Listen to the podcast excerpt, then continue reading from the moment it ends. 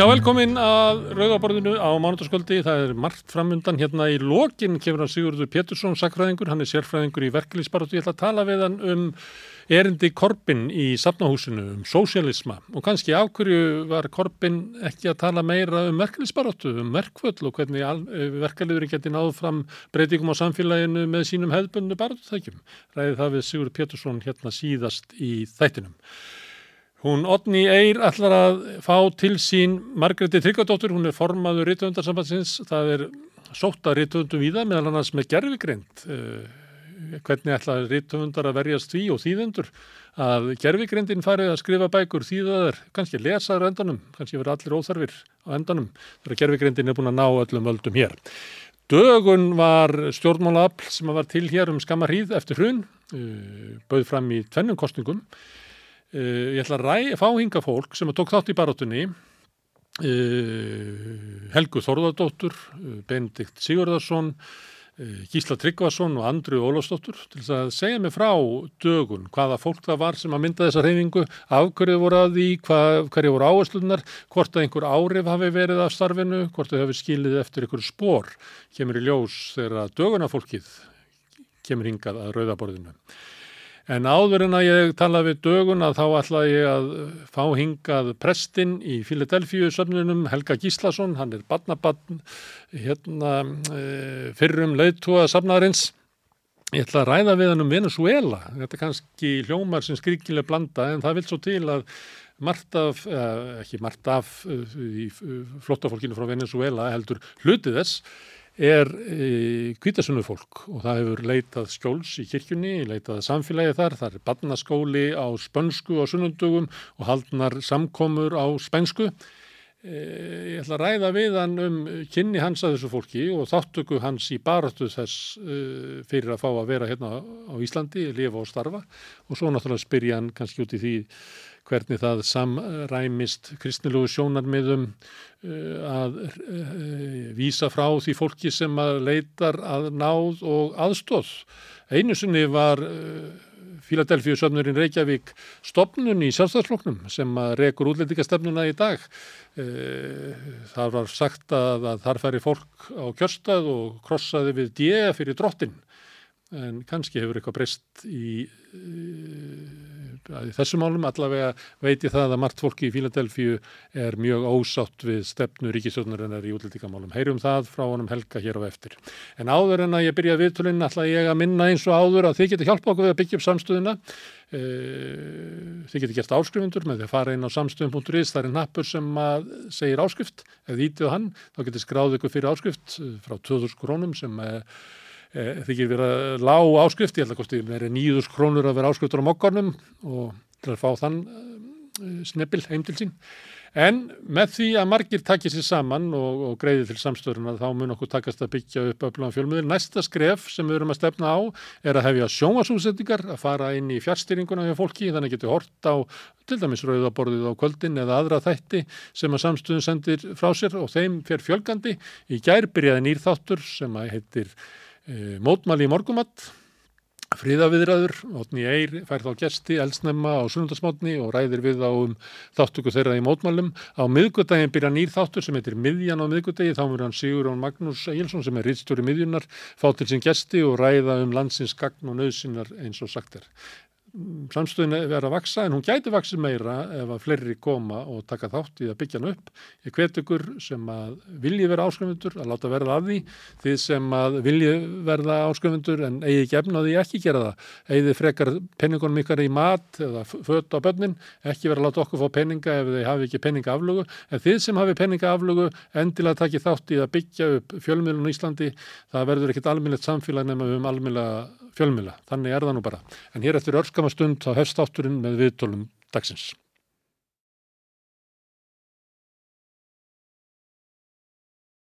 Herðu, við ætlum að, eins og við höfum gert áður, ræða um stöðu flottafólks á Íslandi og sérstaklega flottafólks frá Venezuela sem er náttúrulega komið í mjög sérstakka stöð í dag. Dónsmálaráður að vera að bóða það núna um helgina að, að það eru fjölda flutningar á flottafólki frá Íslandi til Venezuela. 1500 manns jáfnvel fleiri sem eru fluttir í burtu. Marta þessu fólki e, býður þess raunverulega að fá afgriðslu og verður líklega sinjað og er búið að sinja því að þá verður í hend út á götu eins og átti við um flottafólki núna í vor og sumar sem hefur beði meira en, en þrjá mánuði eftir að hafa fengið sinjun. Þannig að það er mannuða krísa í gangi og, og holskefla af henni framöndan. Við höfum rætt við ímyndlegt fólk sem hefur starfað nála þessum málum og fengið hingað til þess að segja reynslu sína og nú er komið að Helga Guðnarsinni sem er prestur í Kvítasunnarsöfnunum. Þú er skrifað svolítið um þessi mál og aðeins, já. já, það brennur á þér. Já, það, það gerir það og maður upplifur þetta sem svona ákveði kannski alltaf óréttlæti. Og, og sérstaklega kannski þegar þetta er gert á þeim fósendum að ástand hafi batnað svo mikið í Venezuela Já. og hérna ég þurfti ekki að leggjast í mikla rannsóknarvinu til að sjá mér, ég skil ekki alveg á hvaða fósendum það er byggt. Og, og maður hugsaður um það sko ef einhver væri á, á gjörgæslu og lífslíkur væri 5% og svo færður upp í 15% og þú myndir kannski ekki útskrifa hann það, það má vel vera eitthvað hafi lagast mm.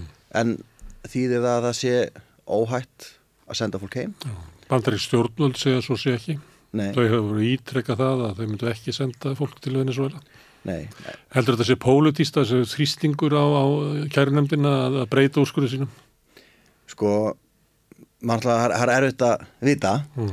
en auðvitað grunar mann að kannski Ísland var kannski með smá sérstöðu að það var eiginlega vita að þú komst til Ísland þá fegstu hæli. Það var eina Europalandi sem var auðvitað bauð fólkinu hingað. Já, og, og þess vegna kom fólk þá hingað og mér, kannski bara sá fólk að það stemdi að hérna kemur kannski ekki alveg 7 miljónir flótamanna en mm. písna margir og fólk fór að reikna dæmið eitthvað áfram og óttaðist bara hérna hér væri kannski búið að opna fyrir eitthvað sem að fólk er ekki við, ég veit ekki. Mm. mann grunar það. Já.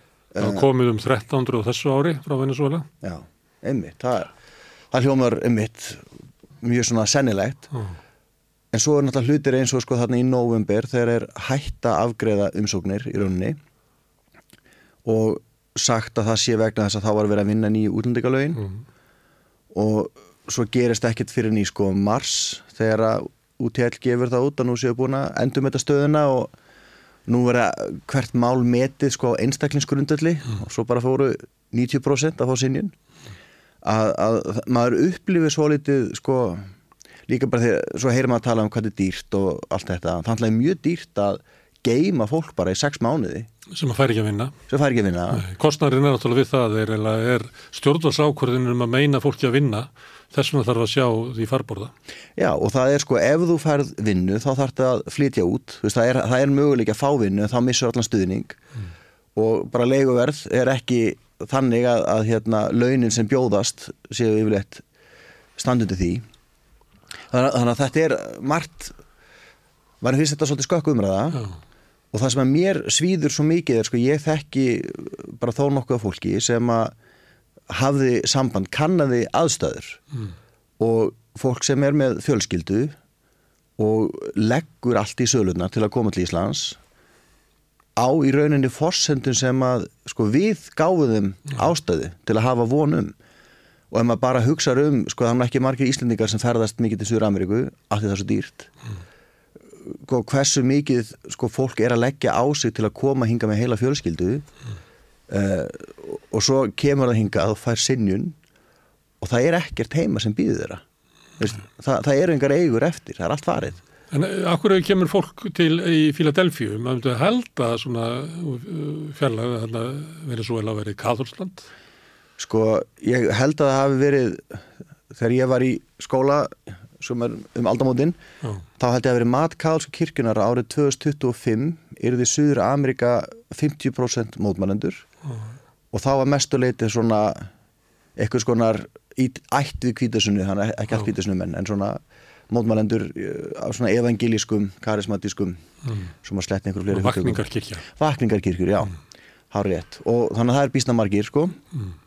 Uh, og fólki sem kemur til ykkar er þá bara af sambarilegum uh, söfnuðum Langflestir, já, já Og hvað er þetta mikið af fólki?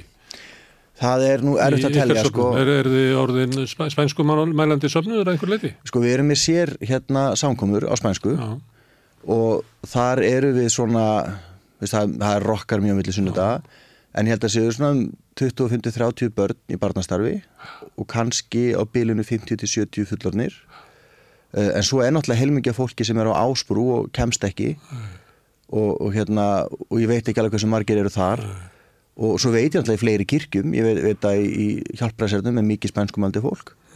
Og, og hérna ég veit að þau sækja líka hjá aðvend kirkjunni þannig að það, það er svo sem víða.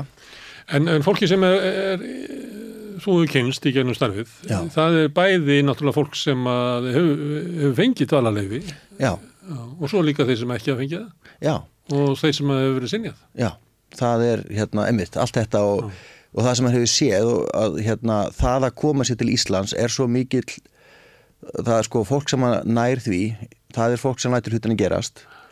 Þannig að allir sem að ég þekki sem að fá hæli þau eru strax komið vinnu strax búin að finna sér heimili og þau eru bara að hérna leggja grunna framtíð sko og, og hérna örgu lífi á Íslandi.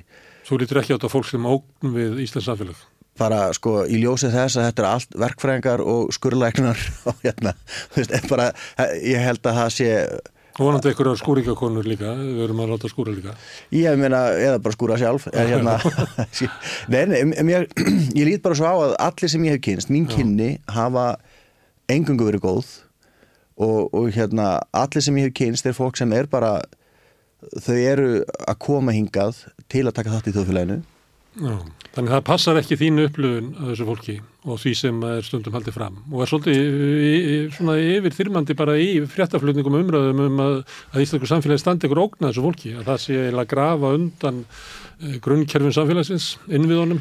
Nei, sko, alls ekki, en það er náttúrulega engin spurning að það er mikil áskorun bara hérna fyrir okkur að taka vel á móti fólki og til dæmis hvernig búið svo um að fólk geti lært íslensku vel og það er eitthvað sem að sko þau öll langar, en svo að þú ert að fara að vinna langa vinnudaga og, og er kannski að vinna engungum með fólki sem talar ekki íslensku að þá er það mjög erfitt. Og, og mér finnst það bara það er svo margt í kerfinu ég til dæmis þekki til að í mentaskólum, þar sem að koma úlingar sem að koma frá heimilu sem tar ekki íslensku að sko íslensku kennarar á Íslandi kunna bara að kenna íslensku sem móðumál og þá eru kannski ennsku kennarar fengnir til að reyna að kenna íslensku eins og þau kenna ennsku sem sýnir bara við, þetta er eitthvað sem bara kunnum ekki og höfum ekki kannski undirbúið nú vel. Þannig vissulega eru áskoranir en ég held að þær áskoranir séu ekki sko fólkinu að kenna sem er að kominga, það er bara við sem þjóðfélag hvernig getur við haft innvill að taka á mótið þeim. Uh, en svo er náttúrulega, ég held að það sé er ekki 90% framhaldsskólan nema sem velja spænsku sem þriðamál þannig að það kannski verið öðaldri fyrir okkur að taka vel á móti spænskum Eftir fólki einhver áratví. Já, En hvernig horfur nú er búið að tilkynna það að, að það sem er búið að sinja fólkinu og þetta er Já. stefnumarkandi úrskurður og þá verður líklega öllum sinjað og, og tónsmálar að segja þér að þetta geti verið 1500 pluss manns já, og talar um fjölda fólksflutninga Já. stæðstu í Íslandsugunni. Hvað, hvernig serðu þetta gerast? raunverulega? Þetta er náttúrulega, þú talar eins og að, að þér finnst bara ósangjart að fólkinu sé bara ekki búið að vera hérna. Það sem að kom hingað þeir eru trú að því þið fengi að vera hér, en svo segir við nei við það. Hvaða, eh, þetta er, þetta er, hvernig er þetta að lýsa þessi aðgerð sem að við erum að fara mögulega að fara að horfa upp á? Sko ég ég á bara svo erfitt með að hugsa það hugsun til enda Veist, ég, ég, er, ég hitti fólk sem að einmitt, er búið að fá sinjun og á að skrifa undir að fara hérna sjálfvilugt en, en það vill ekkert fara hérna það bara vill ekki fara til Venezuela aftur. Ég eiginlega bara sé það fyrir mig sem eitthvað eitthvað hræðilega bíómynd sko. það, er eitthvað, eitthvað ég á bara mjög erfitt með að hugsa um það. Af því að, af því að þetta er svo menna, ástandið þar er hræðilegt og það er ekki að ástæðlösa 7 miljónir jafnvel 8 sé að yfirgefa landið sitt og þeir sem að fá ekki hæli í Evrópu þeir fara þá fótgangandi til bandaríkjana og í Og svo náttúrulega stóru hópar sem er í Kólumbíu og næstu löndum. Satt. Satt, en, en nú heyrir maður fréttir að því að það er náttúrulega eins og myndi gerast hér að þegar kemur svona stór hópur af fólki að þá þetta skapar það alls konar spennu. Og, og þau eru minna velkomin á fleiri og fleiri stöðum. Þannig að þetta er það það eru hérna þetta er mjög flókið ástand og, og hérna saminuð þjóðunar eru og nú er ekki lengur með tölurnar á tæru en sko upphæðunar sem saminuð þjóðunar eru að fara með í að reyna að vera með uppbyggingu innan landsins mm.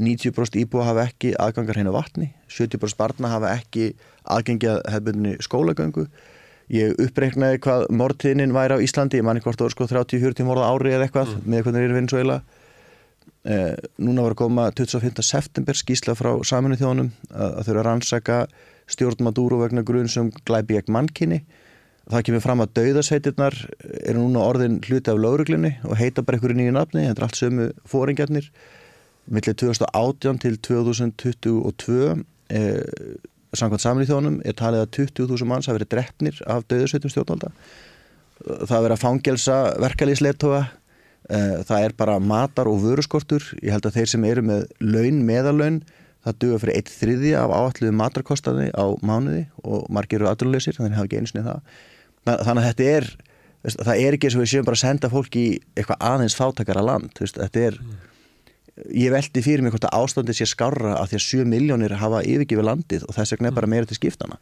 Svo getur við fundið lönd þar sem ástandið er svona, svona slemt eða ég fylgur verra. Það er ekki lönd þar sem að stjórnvöld buðu fólki sérstaklega til að koma til Íslands. Nei og ég held að, og það er náttúrulega alveg satt. Það er eitthvað svík í þessu. Já, að, að, sko, og ég held að það sjáu það allir. Ísland getur ekki tekið við 7 miljónum flótamanna, nokkuð ljóst. Uh, og ef maður hugsa bara um lönd Það var nú bara komið rétt rúmlega þúsunda ári þrátt fyrir tilbúð stjórnvalda um ja. að koma til Íslands þannig að það er ekki kannski mikla líkur á þessar sjömiljónir koma á morgun sko. Það er alveg rétt og auðvitað eru líka þeir sem vestur statir sem ekki geta komið sko. uh, en, en það sem ég, það er rétt, það, ég upplifi það sem svona ákveðin óheiðarleika að fólk er komið hingað og ég þekki til dæmis bara dæmi fólk sem kom hingað í oktober í fyrra allir sem kom á saman tíma svo til, sem þau þekkja til fengu hæli strax. Það náðist ekki að afgreða þau fyrir en allt fór í frost. Og þau eru ennþá að býða í ár. Og, hérna, og, og maður hugsa bara um það sko, þau kom á sama tíma og fólk sem var að fá hæli en bara því þau voru annars þar í röðinni að þá senda þau heim. Mm. og ég held að hljóta allir að þetta er ekki sangjant um, og ég, auðvitað vil ég helst að það sé bara þeir sem eru komin hingað geti fengið að koma sér hérna fyrir. Það, það þetta er mér ákjösanlegast en ég hugsa sko ef ekkert annað þá finnast mér ákveðin rauk sem hægt var að fara eitthvað stjórnvöldum að í það minnst að þau sem komu fyrir mars mm. að þau fá þá að vera afgreitt á grundöldu þeirra reglan sem voru hér gildi fyrir. Áður en lögin voru sett. Já, áður en þessi nýju viðmið sko Ef, ef að, að sko, viðmiðin eru grundvöldur breytingarna en það getur eh, kærunumdin er líka reyna að halda því fram að breytingin sé svo að ástandi sé að verða betra í Venezuela Já og, og það er, ég sá viðtal við eitt lögfræðing sem hefur mikið verið sinna þessum málflokki, hann saði sko það farið frá því að vera 65% sem eru undir fátakramörkum í 50 og hérna það er kannski einhver breyting en það er ekki gott. Herðu, en þú ert starfandi prestur og Já. ég hef fengið hérna presta hingað uh, frá kirkjunni. Hjalti Hugason var hérna Guðfræði professor og Davíð Þór og, og svo fekk ég kaftin úr, úr hérna, hjálpræðstöldum Einmitt. Að Því að uh, svona mál eru við getum alltaf talað um hvernig ástand er í Venezuela og við getum talað um einhverja reglugerðir og sluðis en uh, þetta mál er líka tengis bara svona samvösku okkar og samvinsku samfélagsins. Já. því að, að við erum náttúrulega það er fólk að koma til okkar og byggja um bara bjargir byggja um aðstóð og kannski ekki byggja um mikið bara um að fá að vera hérna sko. Og er ekki að byggja um að, að við séum að láta þau fá neitt nema bara að fá að lifa og starfa hérna í friði. Já.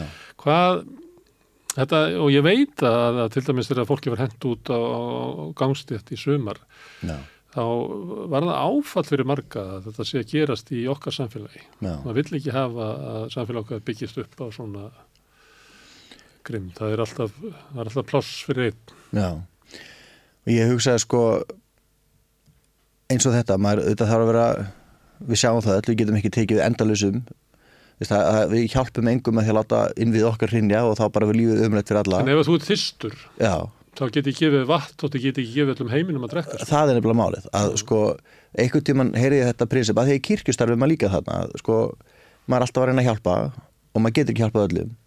En þá er svo gott bara að gerðu fyrir einn þá svo vildir að geta gert fyrir alla. Mm. Það er líka það sem ég svo myndið en ég kom til mín, ég kom til ykkar.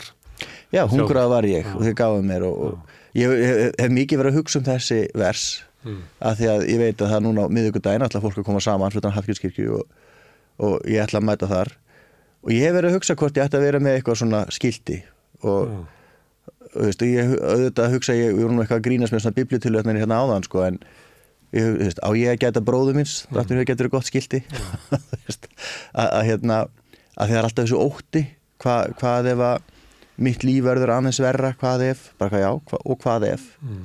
að kærleikurinn hann kostar veist, kær, kærleikurinn, það er, það er eðli kærleikans, það er að, að hérna meta einhvern annan svo mikið að ég til að gera hennum gott. Og þannig byggjum við kostum. kærleiksríkt samfélag að láta kærleikan ráða verkum okkar. En það er ekki eitthvað sem við ætlum að flagga ef að við erum búin að leysa öllunum mandamál og við eigum sannarlega efni á því Já. þá ætlum við að verða kærleiksrík en það virkar ekki þannig. Þá er hjörtu okkar orðin að steini. Já, algjörlega. Get ekki búin eitt kærleika. Nei, og, og ég held að það sé ég held að sé líka bara þannig eins, og- eins og Jésu segir sko, sá sem er trúr í smáu hann verður trúr yfir miklu. Mm. og ef maður ekki getur verið örlátur þegar maður er á lítið þá verður maður ekki heldur þegar maður er á meira. Og, og hérna og, og í þessum málum veist, að þarna þarf að koma sambland af einmitt, bara hjartanu og svo líka bara því sem er praktíst Mm.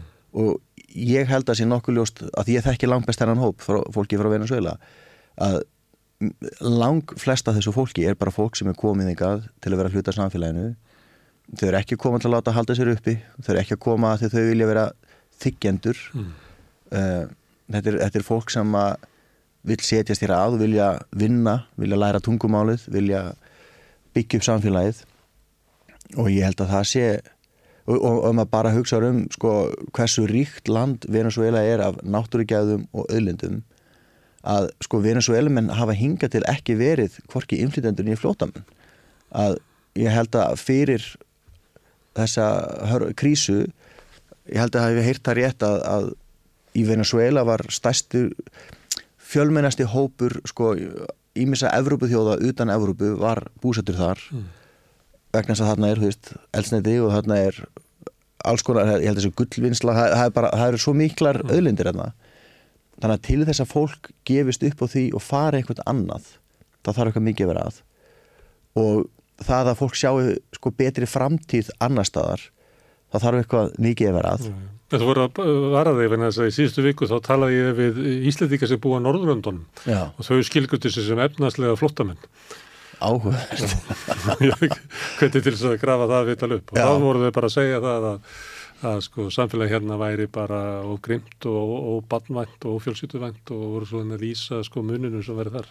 Já, Þannig að fólk hérna fer af vímsum ástöðum. En, en segðu mér annars, þú ert að nefna hann á Hallgrímskirkju á miðgudaginn. mhm Hvað gerist þar?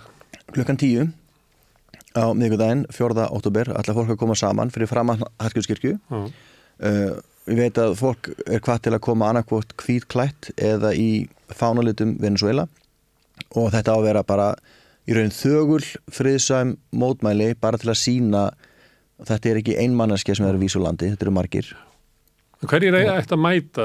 Er það, það er flóttafólki mætir, Já. þeir sem hafa kynst þeim, já, en á fólk að mæta bara sem að vill að, að Íslands samfélag uh, sem er í mannúð í íslensku samfélagi?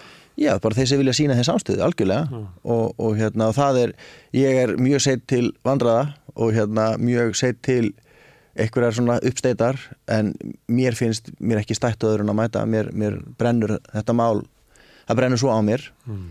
og ég held til dæmis ég hafi bara aldrei skrifað innsetta grein í blöð að þetta mál kemur til sko Já. Og, og líka því að mér finnst bara út af mínu starfi þá reynir ég að vera ekki pólitískur eða flokkspólitískur Mm. og, og hérna finnst það bara ágætt að það pyrra suma að ég vil ekki segja mm.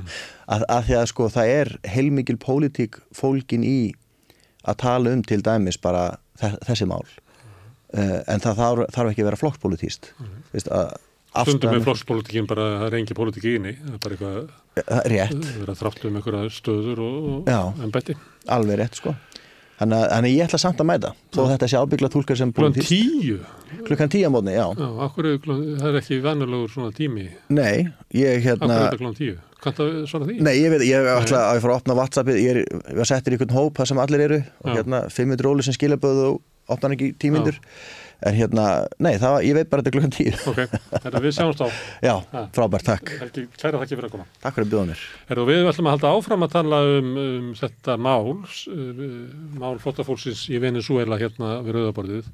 Á morgun ætlum við aðeins að skoða ástæður þess að, að það er fátækt, að það er verðbólka að það er efnaðsleg vandi Hún ætlar að koma til mín, hún Gunvur Rósa sem að skrifaði masterið gerð einmitt um eh, efnarsástandið í Venezuela.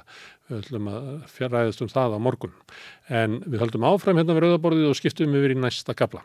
Samstöðin er í eigu hlustenda, áhorfenda og lesenda. Þú getur átt samstöðina á samt öðrum félögum í Alþýðufélaginu. Þú getur gengið í Alþýðufélagið á samstöðin.is. Þar er nappur sem segir skráning.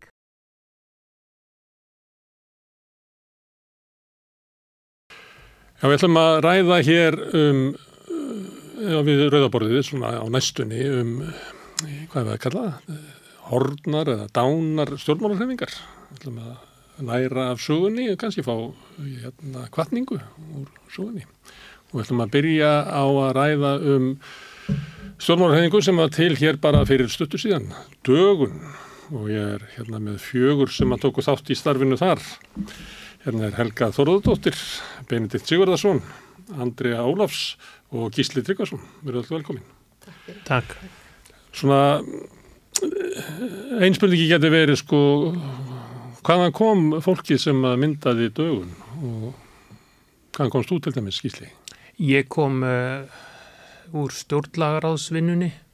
Ég hafi verið lengi að hugsa um endurbætur og stjórnarskrálu síðan ég var í lagarnámi fyrir aldamotinn og uh, hafði komið með þá hugmyndin í framsóknarflokkin sem ég var í þá og uh, það fekk nú ákveðs viðtökur þar en, en dó síðan með nýjum formanni hugmyndin um að endur bæta stjórnarskrá og uh, við vorum nokkrir eða nokkur sem ekki vorum ána með það og fórum þá í róttakar átt sem var dögun í mínu tiluki. Mm. Andrea? Ég hafði náttúrulega verið að berjast með hagsmunarsamtökum heimilanna og kom á þeim forsendum, bara mínum forsendum en á þeim forsendum að vera í þeim bara áttu huga áfram inn í þessa reyfingu. Já, og með fleira fólki þaðan, inn í tugun? Já, já. Benedikt? Já, allir sé ekki best sagt að ég hafi verið nokkuð svona, svona flottamæður úr samfélkingunni. Ég yfirgaf samfélkinguna 2011 eh, og var svo sem búin að fylgjast með og reyna að hlusta eftir því hvort það væri ekki einhver staðar í ákvæðiströmmar í, í stjórnmálun sem, sem að væru líklegri til að nálgast um, þarfir og vilja fólksins og þessa almenning sem að mér finnst einhvern veginn alltaf að hafa vorið undir. Og uh, ég var, kom svo sem ekki beint úr einhverju grúpu en varð kannski svona sem einstaklingur koma að þessu, ég hef tekið þátt í, samt, í starfi samtaka, hérna, samtaka heimilana og og fylst með stjórnlagarásvinninni mjög, mjög vel og líklega hefur gísli verið einhverju litið tengilagur liður minn við þennar stoppfund dögunar hérna 2012. Mm. Helga? Já, það má eiginlega segja að ég komi svona úr grásútinni með ímsar tengingar. Ég var náttúrulega með uh, undirbúningi við bara náttúrulega borgarafundina, uh, sá svolítið um grásútamiðstöðina, kynntist, uh, já, við varum stopnatið að borgararhefingunni, var á stoppfundinum.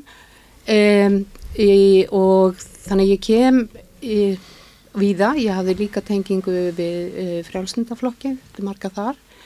E, og þetta var eiginlega svona krafa hjá fólkinu að saminast um réttlátara samfélag, meiri sangirni og meiri líðræði eins og fælst í, í, í nafni dögunar og Uh, við vildum saminast um kjarnaatriði sem við getum öll saminast um sem væri mikilvæg til að breyta þjóðfélaginu. Það var náttúrulega mjög mikil olga þarna í þjóðfélaginu á þessum tíma 2012 þegar dögum var stopnuð og það var, það var drifkrafturinn að við vildum saminast um aðalatriðin og reyna sannarlega að breyta. Og ná þá saman inn í dögun öllu sem að mætti kalla svona nýsköpun í stjórnmálum.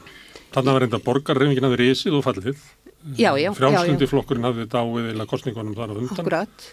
Þetta var svona samin að... Það var mikið rót, að... þetta er eftir hrunsárin. Akkurat, eh, einmitt. Það, en til og meins það kom sterkinn skoðanir úr, úr með að breyta eh, fiskveiðstjórnuna kerfinu.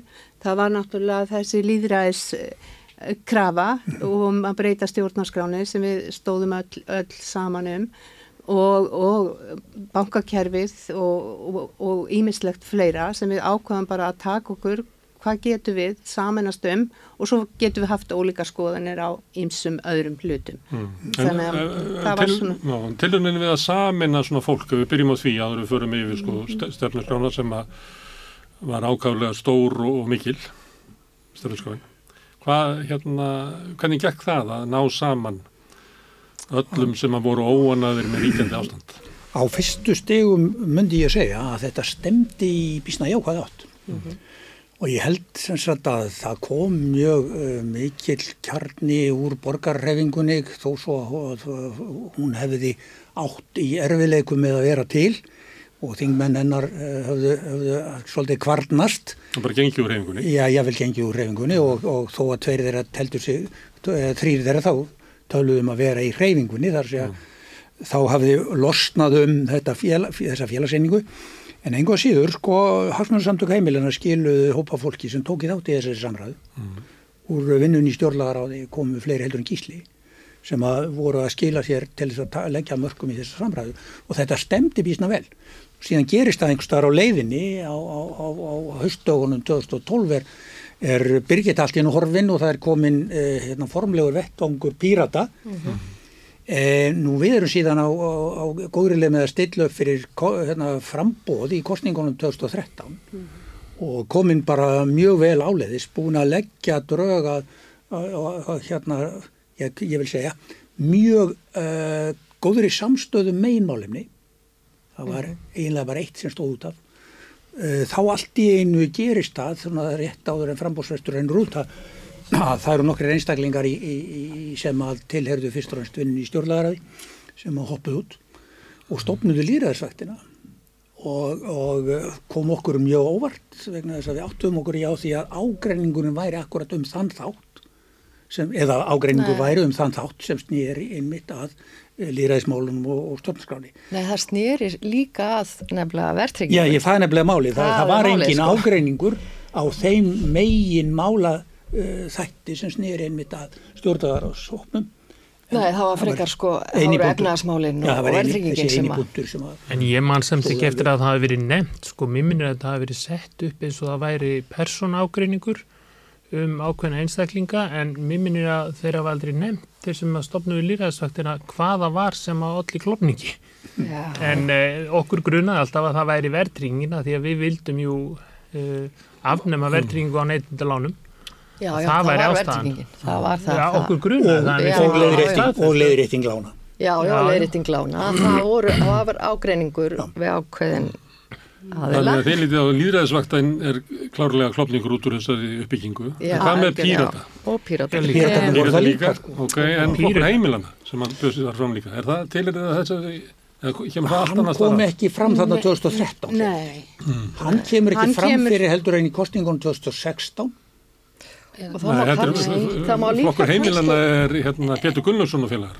Já alveg rétt. Ah, þau voru aldrei þáttakendur í þessari samræði og ekki heldur hægri greinir Nei, aldrei, Nei. aldrei, aldrei. Og, hérna, og, og það má eiginlega segja að sko mögulega, ég veldi fyrir mér sko hvort að Birgitta hafi raunverulega verið skuldbundin þessu afli eða ekki því að hvort hún var farin að undirbúa píratana og, og sko var í raun og verið ekki búin að skuldbinda sig í þetta starf. Hún tók það í stoppfundinu. Já, já, hún gerði það reynda. Ég get bara smá sögurskýringu á því.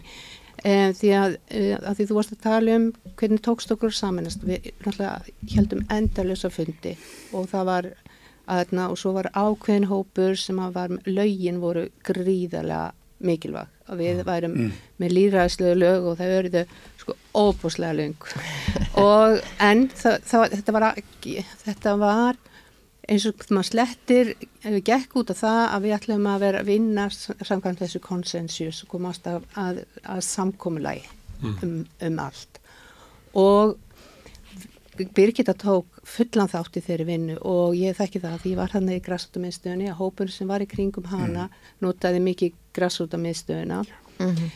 Og þegar að þetta gerist þá veit ég það bara eh, að hún var byrjuð að vinna þessu án þess að félagarinnar og þingi vissi nokkuð um, um það. Þannig að þetta var hennar uh, draumur og þetta við fréttum þetta í ég man svo hvar ég var því ég var út á flugvelli og þetta bara, ég sá þetta í hérna á MBL eða eitthvað stað þannig að þetta kom okkur sem svona fyrsta bakslag en, en já mm. það sé ekki bara þetta mannlega eðli og, og, og hérna og, og kannski vanþróski mannverunar sem kemur hérna fram að geta ekki starfa saman um, um mikilvæg málefni. Já, en ég spurði um þetta líka venni þess að kostningar sem koma eftir 2013 eru mjög merkilegar því að, að það hefur aldrei fallið ja, mörg atkvæði döið í kostningum. Mm -hmm. Dögun náðu ekki manni, flokkur heimilana, ekki líðræðisvektin eh, sem að öll hefðu náðu sko kjöri á þingi í öllu Norðurlandunum. Það náðu sko yfir þann þröskuld. Þessi flokka sem að þið nefnið sem er þá píratanir sem ára leitir af, af, af hérna, Birgitu. Uh, líðræðisvaktin sem var leita Þorvaldi Gilva mm -hmm. og líð. Og, og líð líka já, og líð, já, ég bara get ekki talið upp alla nei, nei, nei, nei, af því hann var svo náinn hjá okkur. Náðu samanlagt hérna réttæpun 10% og hefðu kannski orðið eitthvað Já, þessi klopningu við líðræðisvaktina var til þess að, að þessi róttækka hreyfing kom ekki manni að. En að Birgitta má þú eiga það hún klauði þetta frekar snemma, hún tók þátt í utibúnistarfinu en, en, en fór síðan út svona, þannig að það skemmt ekki mikið fyrir, þetta voru alltaf áherslu Það er ekki skilta hjá fólki að vera að starfa með Nei, nei, nei. En, að, en að kljúfa rétt fyrir uh, lok frambásferest uh, fannst mér ekki mm. fullt af heilindum. Og þingið 2013 hefði náttúrulega orðið allt öðruvísi. Já, þá hefði verið miklu fleiri rattir sem að má rekja til svona runs, eftir runs árana sem að varða ekki inn á þingi. Já. Það fagnaði gríðarlega mikið þessi, þessi rödd fólksinn sem hafði verið og úti að berja, berja pannur sko. Já. Og það er engi spurning að um leið þá, þá dró alveg ofbóðslega mikið úr, úr slagkrafti fyrir allar hugmyndir um líðræðsvæðingu. Já, já. Þarna var á eh, ferðinni fólk sem, að, sem að hafði sko haft áhrif. Já klárlega á samfélagslega umræði já, þegar þessast rattirnar þagna og gerist ekkert nei, vegna þess að, að, að það er engin, ekki, ekkert, ekkert drif, engin drifkratur en uh, ég vil líka segja að sko uh, ég held líka að uh, hérna samfélkingin og, og vinstirgrænir fengu mjög hvað sé að harkalega ráðningu í þessum kostningum þó að samfélkingin segi það en þá svartara. Mm setna að þá, þá gerði það verkum að þeir eh, sem eftir sátu í þessum flokkum, þeir voru ekki reyðari við neina aðra heldur en okkur sem höfðum reynd að bera upp í einhverju önnur sjónarmið. Og við sem höfðum til dæmis uh, hérna uh, farið út úr samfélkingunni við vorum lengi á svörtum lista bókstaflega. mm þannig að, að við vorum verri heldur en, en versta fólk. Þannig afstæða flokkana sem að vorin á þingi já. til hérna, eftir hrunsáranna var þeila til þess að einangra þessi sjónamið enn frekar í samfélaginu. Já, ég held að. Mm. Já, en samt gammaði nú ekki upp voninu. Ég manna alveg fram yfir kostningar held ég 2013 var maður að reyna að berjast fyrir því að sko þessar um, stjórnlagabreitingar næðu fylgi og Ég hef alltaf talið að það veri Átni Páll Átnason sem að draf það með því sem að hann ákvað sem nýr formaður samfélgíkar en að bara þetta væri ekki eitthvað sem hætti væri á vetur setjandi. Mm. En, en það, það sem svona... hefðu þurft að gerast er að þessi öll hefðu átt að starra saman eins og þau ætluðu sér frá upphafi og, og Já, og ná inn, það er það sem átt að gera. En að þið talið svona um líðræðisvakningu og þú talar um að hérna lögin hafi verið svo líðræðislega að það var bara heil bók þess að semja um þetta. Og það var svona stemmingin svolítið eftir þessu árum, ekki bara hér heldur annar stað, að þetta vera píratinni voru byggðir upp á hugmyndum um svona netlýðræði einhvers konar og þetta voru stemming sem var allstaðar í heiminum á þessum árum, en er ekki lengur. Það eru svona niðurstaða margra hreyfinga momentum í Breitlandi, Occupy Wall Street og fólkið í kringum Bernie Sanders að, að, að þessi svona opna leið til baráttu hérna sko og sé ekki fær. Sé ekki fær og það sé svo auðvelt eiginlega misnótana og breyðdana niður og berjana niður. Er það einhver leiti þetta að út frá þessu svona að segja svona dögun hafi einhver leiti verið svona barnsins tíma þessu leiti? Er, er þetta hugmyndi sem við ættum að endurvekja? Sko það sem að er að þjóðfélagi, við upplifum svolítið að þjóðfélagi er ekki tilbúið í þetta.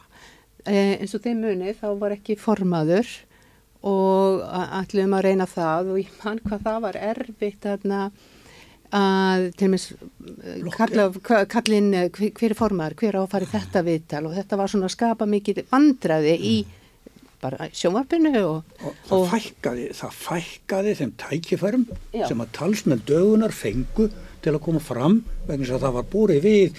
Við veitum ekki hvernig við eigum að tala við og við veitum ekki hver er sem að berða þess að fram og þá var okkur svona hýtt á jæðarinn og svo var sett þessi fyrðulegi þröskuldur um að því að einhver frambóð höfðu ekki náðu tiltekinni fylgistölu í skoðanakonunum þá voru þau bara ekki tekin með á fundum sem, sem er náttúrulega fáralegt því að skoðanakannanir eiga náttúrulega ekki að stýra því hvernig umræða í fjölmjölum fer fram. Nei, nei, og svo var þetta hann að reyndu við þetta slembival eitt og það var bara, fólk var ekki tilbúið í, í þetta, það var bara, nei, hvað ég kem ekki, kem ekki nálagt þessu. Mm. þannig að við vorum svona með alls konar tilraunastarfsemi sem við virkilega vildum reyna.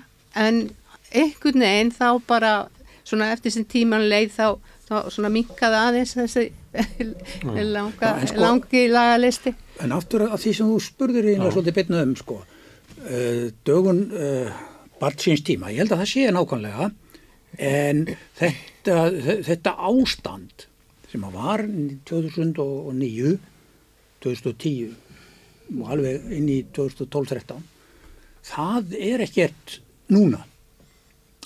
Það er horfið að, að vissuleiti að því leitinu til að olgan í blóðinu á fjölda fólks já, já. er ekki að skila mönnum til mótmæla í sama, sama, sama hætti eða til þess að láta eitthvað í sér heyra. Þannig að það má vel vera að það sem að við vorum að reyna þá og við náðum ekki gegn með þar að segja málefna áhersluðar þær eru nefnilega ekki. úreldar Það er að betur heldur en formið. Kanski erum við betur sett núna eða ættum við meiri séns með þessar málefna áherslur akkurat í því umhverfi sem er í dag en þá höfum við kannski ekki fólkið eða aldragandan til þess að koma okkur mm. mætast með það Mm -hmm. efnis, efnislega er þessi stefnuskráli í fullu kildi en þá fólk finnur þá hverjum degi á einn skinni, mjög mm. margir að verðringin er það böl sem hún hefur lengi verið. Það varð sennilega klopningsmomentið hjá okkur en, en nú er almenningur að finna fyrir því eins og einu sinni. Já, en, en einu sinni. Og Sælabankastjóri mælir með afleiðu samningum verðtröðum mm. hæ Ok, en stefnan, hérna, nú er hérna, taldi upp marga flokka, pírata og líðræðisvaktina og dögun sem að, má kannski líta sem svona afsprengi af uh, ólgunni í eftirhinsárunum. Mm -hmm. En síðan poppuð þarna upp hérna, flokkur heimilana sem er eiginlega frambúð út af sögum á vilja segja í dag. Ég held að þeir hafi verið líka klopningu frá líðræðisvaktinni því að hann kemur úr á því. En þar í flokki heimilana var hann hérna sjálfstæðismæður sem að setna koma að stofnun uh, Flokks Fólksins. Já, hald, uh, já, emitt, emitt Svo var Hægri Grænir sem er hann Franklin, Franklin. Já, sem að reynda fekk ekki að bjóða þessu fram held ég að því hann var ekki með, með kjörgengur. kjörgengi. Þannig að það, þar eru svona uh, kannski Það er önnur uppspretta. Það er önnur uppspretta og er ekki tengt beint eftir hunds árónum er frekar sem við getum tengt bara við svona ný hægrið í Evrópu eða mm. eitthvað Sennilega. Hvar er þá dögun? Hvers svona flokkur er það? Við skilgreyndum okkur korki til hægraða vinstri Það og var- hefur verið tíska Já, var svolítið- Jú, þarna- við vorum, við hruni vorum vinstri, við vorum rótækt Já. afl, það voru ekki mikla hægri áherslur í Nei, en það- þetta var svona hugmyndin til að, í upphafi mann ég allavega, til þess að, Mm. að fólk gæti þjappa saman um þessa stefnu, svo var ka- meira til vinstri. Nei, svo var, svo var hérna, ég man á þessum tíma að hérna, við vorum að spá í og vorum spurða þessu og, og ég man að það var svona stjórnmála kompass á þessum tíma. Mhm. Það sem var verið að, að fara í gegnum fullta spurningum Og og við lendum og stefnumál. ak- og, já, og stefnumál sem sagt, og við lendum akkurat í miðunni. Við Og við vorum alveg á miðunni. En við bara. lentum líðræðislega, alltaf líðræðismegin, Já, við vorum bara alveg á. Já, miðunni, við, sko. við lendum sko í, í, í, í fjögra ás, Já. frálslindi já, við lendum sko á líðræðismegin á, á þeim, þeim ás. Já, en efnaðslega miðjuflokkur Já, en sko Ég kannski við langar með að segja Gísli, Gísli vill ekki sagt að þeir eru að draga en til sko- hægri, hann vill það ekki. Það sem Gísli er að segja er bara kompass. þetta að, að, að það, vor, það eru engir stjórnmálaflokkar á Íslandi með megin stefnu sína til hægri í raun og veru þegar kemur að ekki þeir eru hitta kjósendur? Nei, svo þegar kostningar eru búnar og búið að loka kjörstunum þá snúa þessi til já, hægri það eru nokkri sem gera En það mjög harkalega. En aðeins í sambandi við þetta nánar sko, ég, held að, ég held að ef við förum í sögulega skoðun þá held ég að, að, að, að hérna, þessi, uh, þessar áherslur sem voru málefnalega grundaðar ég held að þær hefðu uh, sómt sér vel í, á, á hérna uh, uh, hérna baráttu lista framsvonarflokksins alveg fram yfir 1970 það er að segja svona sem me- meginlínur. Uh, stærsti hlutin af alþýðuflokknum hefði geta skrifað undir þetta þanga til að koma að verðtryggingarhugmyndir í Uh, við, hefðum, við hefðum höfðað til meðal kjósanda í Reykjavík á dögum Gers Hallgrímssonar sem að var að kjósa sjálfstæðisflokkin. Þannig að, að þýleitinu til var þetta flokkur sem höfðaði til þeirra sem sjálfur skilgrinda sig til minstri með félags, nei, á miðju með félagsíkju. Menn nefnilega þorða að tala um félagsíkju á meðan að sósialismin og, og, og, og gr- hérna sovjetgrílan hjælt mönnum frá því að þóra viðurkenna þeir veru til vinstri. Gísli, vilt þú að því að hann er að tólka þig hérna með vinstri Já, já, Já, þetta má alveg til sanns við að færa en, en þetta var náttúrulega bara vinstra megin við miðju. Þetta var rótækt afl en, Já, en, þetta var róttækt afl. en alvöru félagsíkjuflokkur eða alvöru jafnaðamánaflokkur hefði alveg getað skrifað undir Það þetta. mætti allt ekki segja það að þetta væri stefna sem að myndu höfða til kannski grásrótar og kjósenda framsóknar, samfélkingarnar, alls konar flokka Jú, jú. en bara langt frá því að vera stefnusku á fórustu þessar flokka. Jú, þess vegna held ég að það hafi tekist að kljúfa þetta það, það voru einhver öll sem að unnu að því að kljúfa þetta og það tókst Ég held að stór hluti ef myndi spurja sko hinn almenna borgara og hann myndi lesa áhersluatriðin hér ég held að stærstur hluti almenna borgara geti skrifað undir þetta. Já, ég held það líka. Það var líka að, að kvísaðist í aðdraganda kostninga, kostningakompásin að það væri alltaf 80% þeirra sem fór á kompásin hjá DFF Já. þegar þau fengið dögun upp. Það sem þú látið svara Mál- finni málefna- afstöðu. Málefna inn í, Já. svara málefna- finni afstöðu og skamtar kompásinn. við, fengum ekki, við fengum ekki atkvæðin sko. Herðu, ég ætla aðeins að staldra við hérna búsáldabildinguna og eftirhundsárin og svona reyna að greina hægri og vinstri í því svona af því að það er bara uh, framsunaflokkurinn vinnur kostningasíður í þessu kostningum 2013 meðal annars út af dómi Európu domstólsins eftir domstólsins í einu helsta ágreinismáli eftirhundsárana sem að var svolítið kannski svona hægri hluti búsaldabildingarinnar snerist gegn æsif þannig að, að mikið fylgi framsónaflokksins í þessum kostningum sem að reys mjög skyndilega ég held að það sé bara dómurinn sé bara þremu viku fyrir kostningar að, að það hefði, hafði mikil áhrif þannig að kannski, já, kannski eru mestu áhrifin af eftirhundsárunum í kostningasigri Sigmundar Davids 2013 Já, já, ég meina Sigmundur Davíð var auðvitað populískur og, og, og, og ekki að mér að skapi en hann, hann hitti á réttan að sé það ennþá. Já, já, og, og hann er það en, en hann hitti á réttan hérna, nagla þarna með því að vera á móti þessu algjör, þessari algjör uppgjöf í æsirmálnu og samfélgin gerði að mínum að til mistök að vera svona rosalega hrifin að því að setla málið sko og það hefur náttúrulega fyllt, hvað sé ég, jafnaðamönnum og alþýðifloknum mjög lengi að vera, hvað sé ég, mjög svona þæg í, í utryggismálum. Þeir vildu til dæmis stopna líðveldi á í samráðu við Dani og, og Mm. fullkomlega löglegan hátt en ekki, hvað sé ekki hratt og... ekki í skjóli bandaríkjanar sko. Nei, þannig að það, og líka í fiskveiðmálunum, ég meina þeir vildu alltaf fara yfirbreyta- hægar sko. sem yfirbreyta. Já, það voru framsónamenn og sjálfstæðismenn og allaballar sem að sko, knúða áfram það mál. Kratarnir standi ekki í lappirnar Kratarnir standi ekki í lappirnar í, eins í noti alþjóðamálum. orðfæri Sigmunda Davís og Já, Davís Ótssonar. það má alveg taka undir það. Sko, ég vil halda því til haga að, að þeir gerðu það líka að þeir tóku upp málefnin sem að við vorum búin að leggja áherslu á í hagsmálasamtökum heimilana. Mm. Hann fór að tala fyrir því og þau, þau þarna í framsókn að afnema verðtryggingu, að leiðrita lán, að breyta lánakerfinu. Þau tóku upp þessi mál og voru kosin á þeim forsendum að mér, Já, ég að mínu viti sko. ég held að það sé alveg rétt Þá hafi dögun áhrif þótt að hún hafi ekki náða Já. að fylgja henni eftir. Sannlega, sem er það er um það. En, en eru Já. er þið sátt með hérna, hvað hétt þetta, skulda leiðritingin? Eins og hún- eins og hún er framkvæmt, það er svo allt er svo mál sjálfur. Það var einskiptis áhrif sem að kannski skilu ekki miklu nema kannski til þeirra sem að þurfti ekki á því að halda en, en hérna verðringin lifir enn og framsókn hefur náttúrulega gælt við það í ára tugi að já, í að því að afnema eða breyta verðringu en það hefur aldrei verið gert. Þannig að þarna var komið afl sem ætlaði virkilega að láta það á otin. Þeir fóru náttúrulega með sjálfstæðisflokknum. Það er ekki séns að afnema verðtryggingu Já, já. Jó, og mér langar aðeins þetta, leirið þetta sé eitthvað hægri eða það hafi verið framsóknarflokkur sem að, þetta var hann, hérna, Sigmundur, hvað númer í því, en það var líka vinströfl að, og ég tók þátt í mörgum hópum í, sem að voru að berjast gegn alþjóða gældurisjónum og, og berjast fyrir því að við samtöktum hann að ISEF.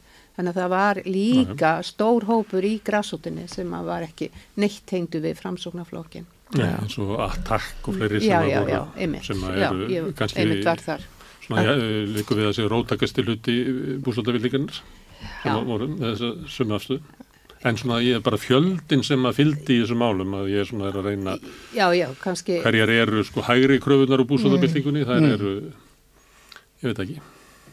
En það má kannski líka, hérna, að því þú sagðir dögun hafði þá raunverulega áhrif á kostningabaráttuna þarna, þetta árið, er kannski líka svolítið svipað og gerðist með þegar kvennarhefingarnar komið fram, að þær höfðu áhrif með þeim hætt, hætti þó þær kem ekki hérna mörgum mönnum eða konum á þing, Þó sko. þær kemust ekki til áhrifa í ríkistjórn Já, til dæmis, já, eða dæmis. hluta, þá, höfðu þær áhrif áhrif. með Já, því og- Það breytti uppstillingu Já, uh, hefbundinu flokkana. Þær settu þetta á dagskrá og hinnir flokkarnir tóku það til sín og tóku upp málefnið. En hvað getur við bent á vegna þess að ef maður fer yfir þessa kjarnastefnu ykkar að þá eru þarna kröfur um uppstokkun á fjármálakerfinu, það hefur ekki gengið eftir, það var bara endurist sama gamla kerfið. Ó já, því miður.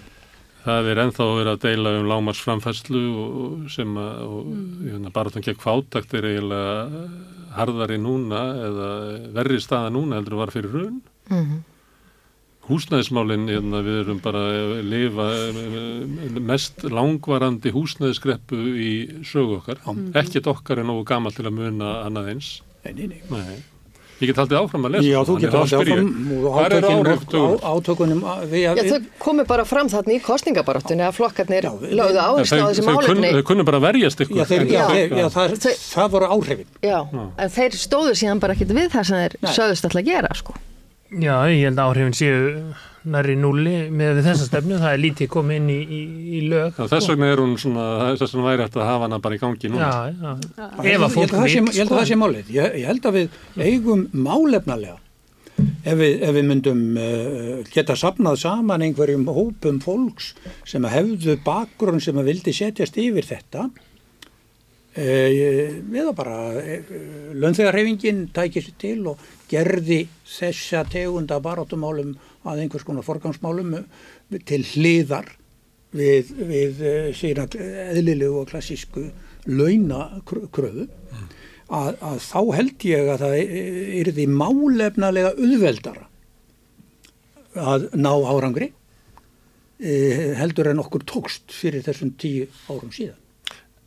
Það gæti kallað þetta borgarlega umbótastöfnu. Þetta er ekki, það er eitthvað byltingar þarna.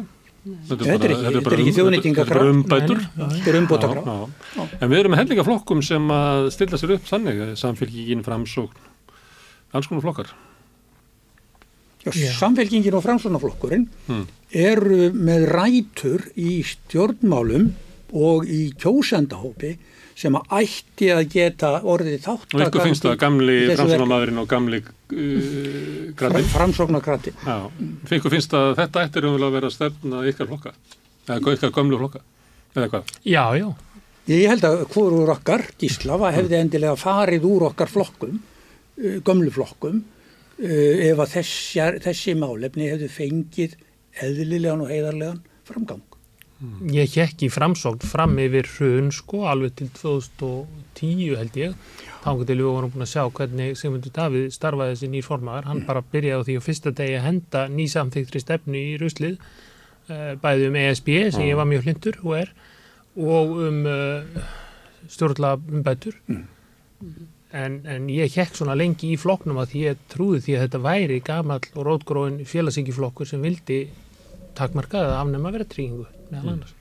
Samþyktir, samþyktir landsfunda samfélkingarinnar bæði 2007 áður en farið var í samstarfi gerhorte og 2009 þegar farið var inn í Jóhannstjórnina á föllir ferð. Uh, þeir, samþyktum þeirra landsfunda var kasserað svo rækilega að það, var eins og að það hefði aldrei komið almennir flokksmenn á vettvang ráðandi afla í flokknum. Hmm. Það er þetta fóringjaræði sem að meðalans átti nú að laga með stjórnlaðum bótum sko. Það er kannski eitt í viðbót að, að dögun er stopnuð svona gegn eh, stjórnmála menningunni eða mm. og það var náttúrulega hafið gerst að sko tröst á, á stjórnmálaflokkonum og alþingi og ríkistjórn hafið hrunið mm -hmm. og, og dögun er svar við því eins og margir aðri flokkar sem hefur verið stopnaðar eftir hrun mm -hmm. en það hefur heldur ekkert brist Má, má ég skjóta einu að hérna? Að því að það hérna, hefur sótt á mig svo, eftir allt þetta bröld, stjórnmálabröld ég er mjög áhugasum um ég er ekki að tala fyrir neitt við þetta borð ég er mjög áhugasum um að sjá fullkomið slembival inn á þing. Mm. og ég held því fram að fullkomið slembivalið þing myndi komast einhver stað nálagt svona málefnarum neyðustöðum í málefnavinu. Og það myndi grafa rosalega mikið undan valda klíkunni í samfélaginu auðvaldi sem hefur áhrif á stjórnmála öfli með beinum hætti, með beinum styrkjum. Það, það myndi breyta samfélaginu. Ná fram almanna viljónum Ég er ekki vissið um það. Ná fram vilja almenning sko. Fullkólunar slembivalið þing er þið sko að miklu liti skipað óreindu fólki já, já. ekki sé, vant félagsmálum og, og ekki inn í málumnum þá var þið ennþá háðar í ennbætsmannavaldun mm -hmm. þannig að ég væri hrettur við það. Ég, ég... að ennbæts hérna, kerfið tæki bara já, við sérfræðingaveldi myndu segja strax þetta er ekki hægt, Nei, þetta stendst ekki og það er einhverju alþjóð sáttbólar sem banna þetta. En endur nýjum stjórnmálarna sem að þið vildu, þið vildu ná fram endur nýjum stjórnmálarna 2013, hún hefur ekki komið Nei? Nei. Þú er eitthvað starfar í stjórnmálflokki Já, ég er starfa, hérna, ég er starfa Þess að við má sjá á jakkanuðinu Fólk getur gíska á hvaða flokkur það er. Þetta er lítið dögunar sko. Ha, Þetta er lítið dögunar líka Sér, sér ekki hérna á. Já, Þetta er lítið dögunar Blátt og gullt En eh, já Þú er í flokki fólksins Já, ég er í flokki fólksins. Ég var, það sem gerðist svolítið þarna 2013 Ég er endar helt var í kostningum líka 2016 Já, við nú þá. Já, við fórum þá saman og Ragnar Þóru og fleiri, fleira gott fólk. Þá kom flokku fólksins og þannig að við vorum þá, dutti þau atkvæði niður Já. hjá báðum flokkum. Þannig að ég, hérna, en síðan alltaf ég, eins og sko flestir hættu þarna 2013 og, mm. og, og svona einhvern veginn gáfust upp svolítið í barátunni. En það voru nokkrir sem að, að heldu áfram og trúðaði að við hefðum líka einhver tilgang, við heldum áfram, við hefðum mjög góða fundi til að minnst í Norrannahúsinu mm. um samfélagsbanka og, og ákvaðum að vera bara svona svolítið app sem að kæmi þessum skoðunum á framfæri. Mm. Þannig að það, það, það var nú búið að vera starf í öll þessi ár, í þrjú ári, í dögun. En allavega hana, og það er náttúrulega er erfitt eins og við þekkjum, þið þekkið í flokki sem eru kemst ekki inn á þing bara það með peningana. Og það er náttúrulega fjáramagn til þess að leiða starfið, hafa húsnað og annað. En við höfðum, hérna, að við fengum ákveðna prósundu þá fengum við eitthvað fjármagn til að starfa áfram En það fyrir rosalega tögunar að byrja að byrja því sinni núna þegar sólsættur hafa fengið inn að pinning. Mm. Já, já, já. Það meila kemst, stundu kemst ekki inn á við þannig að það var þannig þetta. Einmitt, einmitt. Já, maður fer svolítið margt í tögunar á honum. Eða svona, sérstaklega þegar ég var á þingi og var að tala um samfélagsbanka, þá var hann, fórum bara að tala um að, hvað alltaf ég mistikist þar með íbúðalána sjóð sem er ekki samfélagsbanki. En allavega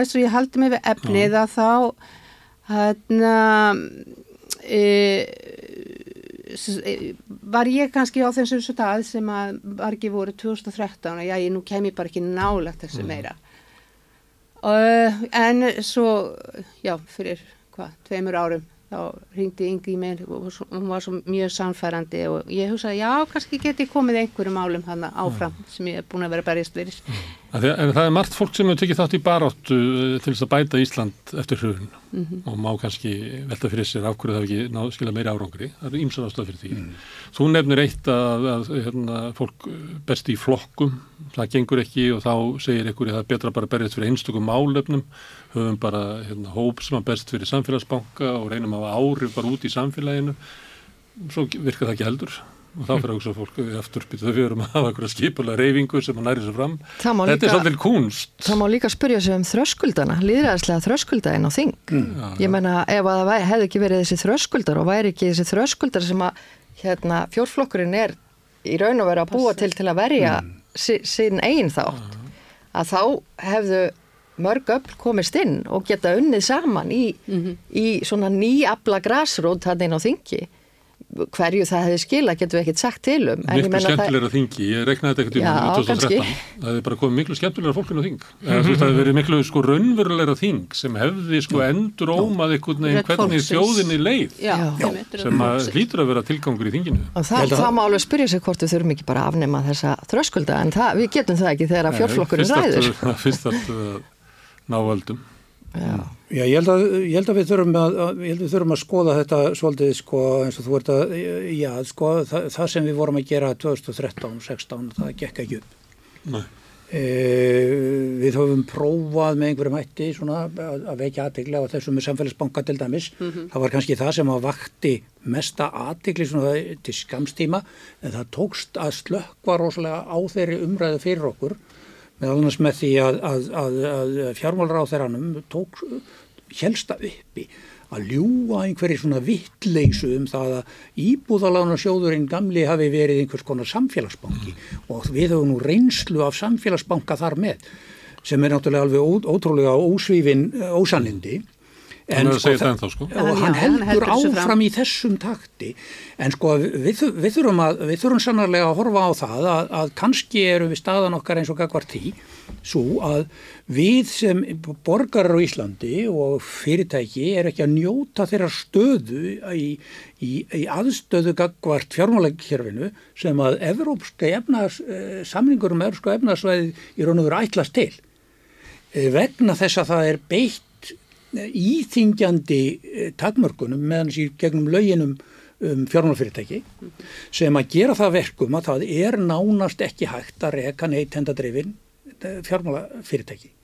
Sparisjóðu þingjahinga er í erfileikum með uppfylla íþingjandi skilirði hann er einn eftir af þessum raunverulegu neytendaskerfum mm -hmm. í, í hérna nágranna hérna, ríkjónum sem starfa að sjálfsögðu sem kjarnin í euróska efnaveldinu í Þískumælandi Evrópa þá eru á sögum svæðum 60% af allri viðskiptabankastarfsemi er í höndunum á sparkassakerfunum og, og hérna og kóapböngum sem eru bara reknir í þáu notenda og neytenda og staðbundir. Þeir meiga ekki flytja fjármunni frá uh, því, uh, því uppröðnar sínum mm -hmm. og, og ég stendi þeirri meiningu að, að, að hérna, jável, menn, menn hafa reynslu af því að, að stórkapitalið í Þískalandi hefur gert alluga þessu kerfi. En, en það tekst ekki vegna þess að það er varið. En það áengi mokkar Já. Já, þetta er kerfi er varið af því að það, það nýtur verndar lokalt og það, það má enginn taka það og fara með það. Ég stendi þeirri meiningu að við eigum að njóta sama réttar gagvart því sem neytendur að geta stopnað og rekið e, fjármálafyrirtæki í okkar þá og, og ég, held að, ég held að þið séum sérst að í raun og veru þetta sé ekki bara spurningin um það hvað, hvað pólitíkin á Íslandi og Alþingi uh, kemst upp með að gera heldur þurfum við sem neytendur að geta leitað réttar okkar í gegnum þetta uh, hérna, fjölsjóðasamtarf sem við erum aðeins að Já, við- ég, sé ekki alveg hvernig við okkur texta við höfum ekki geta challengerað verðtryggingunni. Ég vil þó að það fyrsta sem að þeir gerðu í Króatíu til þess að komast inn var það að henda út allir um verðtryggingapakkanum sínum af því að hann stóðst ekki neytendarreglur Já, sko, hann stendst það ekki og það er búið að segja okkur hérna á Íslandi og stjórnvöldum hérna á Íslandi, hann stendst ekki, hann tekst- ekki lög. Nei, okkur tekst ekki að koma því þannig fyrir Nei, það er að því dómskerfi stendur með valdaklikunni líka. Ég menna þetta er bara ein stór klíka. Já, þú segir, þú segir mér uh, skýringuna á því,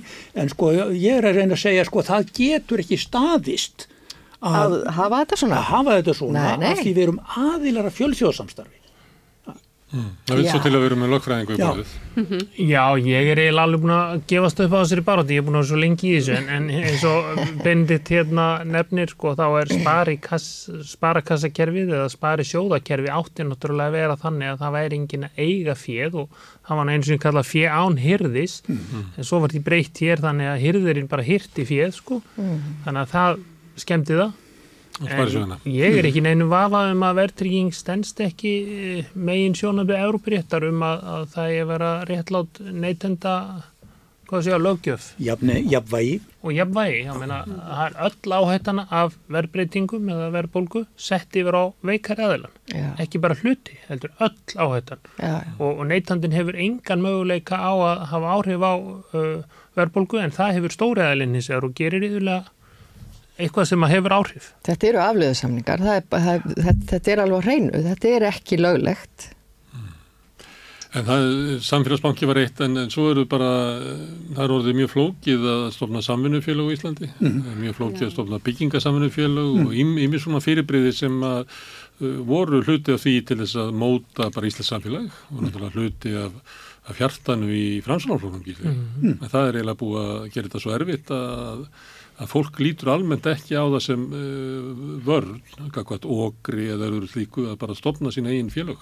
mm nú erum við aðilar að allþjóða vinnumálastofnunni sem hefur endur tekið meðalans í samstarfi við Európa-sambandið eh, kallað eftir því að það verði tryggt í lögjöf og regluverki aðaldaríkja að neytendum sé auðvelt að stopna sín eigin samvinnufélög. Það var sérstætt átarsverkefni í Recommendation 193 frá allþjóða vinnumálastofnunni sem átti að taka inn í íslenska lögjöf frá uh, fyrst 2002 sem skilaði sér pínluti í vinnu þegar verður að endurina í lögum húsnaðis samanfélag þá en síðan uh, hefur íslenska verkalisreifingin sem er annar aðili að framkvæmt uh, alltaf skuldbinding okkar gagvart alltaf vinnumálastofnunni verið bísnað samtaka um það að samvinnufélag séu eitthvað sem ekki eigi endilega að, að, að púka upp á. Og ég eiginlega skýri það með einhvers konar gamaldags sko síshatri Mm. sem er óskiljanlegt bull í mínum huga vegna þess að, að sís, þó að sís ætti að vera samvinnufélag eða, eða vettvangur samvinnufélag þá var það þetta bara endaði það sem sko einhvers konar komissera uh, klíka. En, en sko uh, neytandin á sinn frumrétt ef að samvinnufélag fungerar. Og það er akkurat þar sem mér finnst að verkefliðsreifingina við brúðist og, og fyrir bragðið er einhver, einhvern veginn engin stemming eftir að framsvonarflokkurinn yfirgaf þetta og, all, og gamla ræturnar úr gamla alltíðuflokknum uh,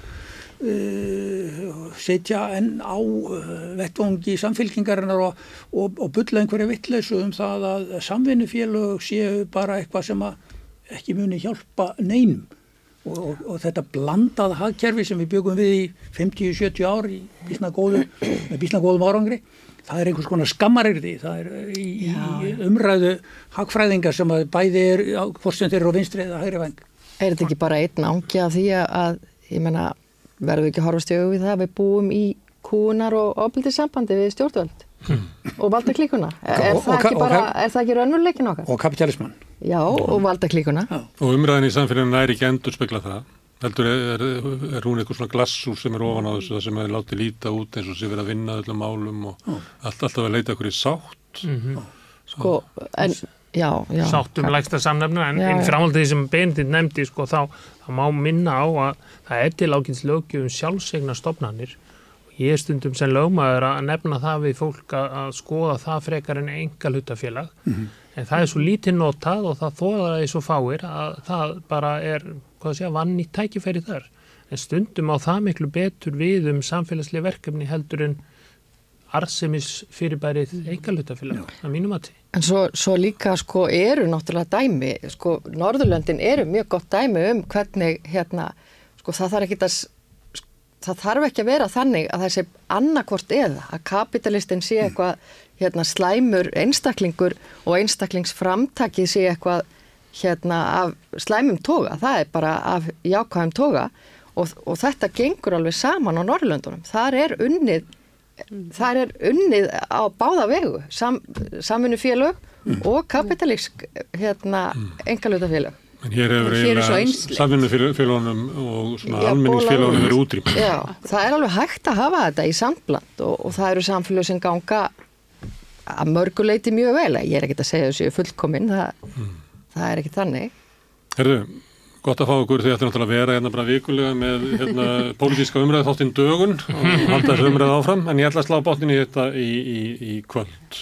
Helga, Benedikt, Andri og Gísli, kæra þakkir Takk. Takk og við ætlum að skipta yfir í næsta kapla hér við rauðaborðið. Samstöðin er í eigu hlustenda, áhorfenda og lesenda. Þú getur átt samstöðina á samt öðrum félögum í Alþýðufélaginu. Þú getur gengið í Alþýðufélagið á samstöðin.is. Þar er nappur sem segir skráning.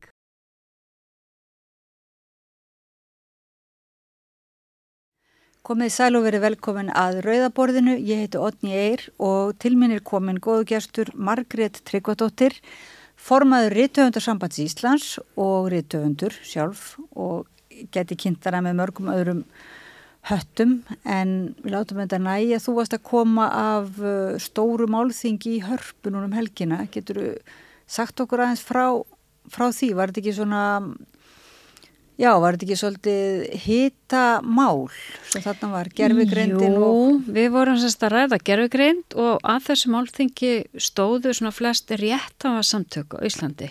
Sérst þannig að rítöfundasambandið er sérst rétthafa samband og sér til dæmis um bókarsafsjóðin uh, en það er líka fag og stjættafélag en svo voru þarna félag eins og stef og myndstef sem eru bara rétthafa samtök þannig að uh, fókusin var svona svolítið höfundarétta megin á þessu málþingi. Þannig að það er nú ekki alveg á hverjum degi sem að þessi rétthafa samtök taka sér saman. Nei og, og þetta var berjast. bara alveg virkilega ánægilegt og, og tókst vel, við þurftum að flytja okkur í stærri sal með þessi á svona, hérna það var gríðilega mikill áhugi. Já, það er áhugi á þessu málflokki Ofsalega. og þetta verið sapna einmitt fólki saman sem þetta er einhvers konar uh, svona sameilig ókn má segja. Segja þessi tekni sem allir segja sér jákvæð líka en þessi gerfigreind Já. að hún verður hugsanlega að leysa af.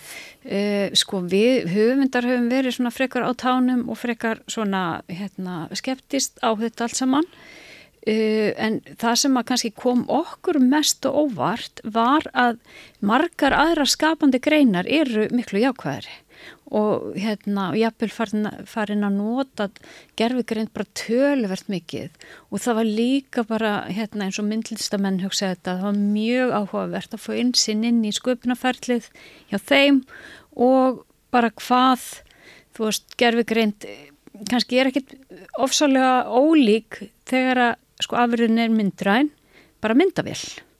Þetta er í raun bara að taka mynd, þú veist, eins og, eins og hérna, einn fyrirlesari uh, lagði upp með í staðin fyrir að þú veist, teikna hana frá grunni, þá ertu að taka mynd með ljósmynd og þú veist með gerfigreind, þá ertu líka eitthvað, skona, eitthvað neginn að taka mynd og hugsar eitthvað og hérna, og svo kemur ykkur útkoma. Þannig að raunverulega er það kannski bara mjög áhuga að vera viðbót við, hérna, við aðrar tekniníungar, Já, myndrænar. já, En, og gæti orðu það í texta, í svona tilrauna textavinslu auðvitað líka, en hver er eiginlega kannski fannst sko, þér ókunin? Við, við erum bara frekar skeptísk, sko, verður, við erum bara að hjáta það, mm. en auðvitað höfum við, þú veist, verið að vinna með einhvers konar ánga af þessu mjög lengi, þú veist, bara leirtingaforrið eru byggjast á svona einhverju málheild og, og gerugrind Eh, svo er þetta allt bara, þú veist, mislant komið og við vitum bara, þú veist,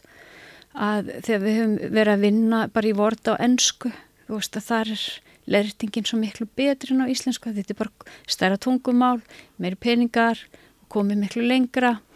Eh, svo er náttúrulega höfum við lang, flest sko snjálfsíma í, hérna varsanum sem byggir og gerur greinda miklu leti. Við getum opnað myndavélina tekið myndatekst á okkur tungumál sem við skiljum ekki og fengið henni yfir tungumál sem við skiljum í mjög mörgum tilfellum.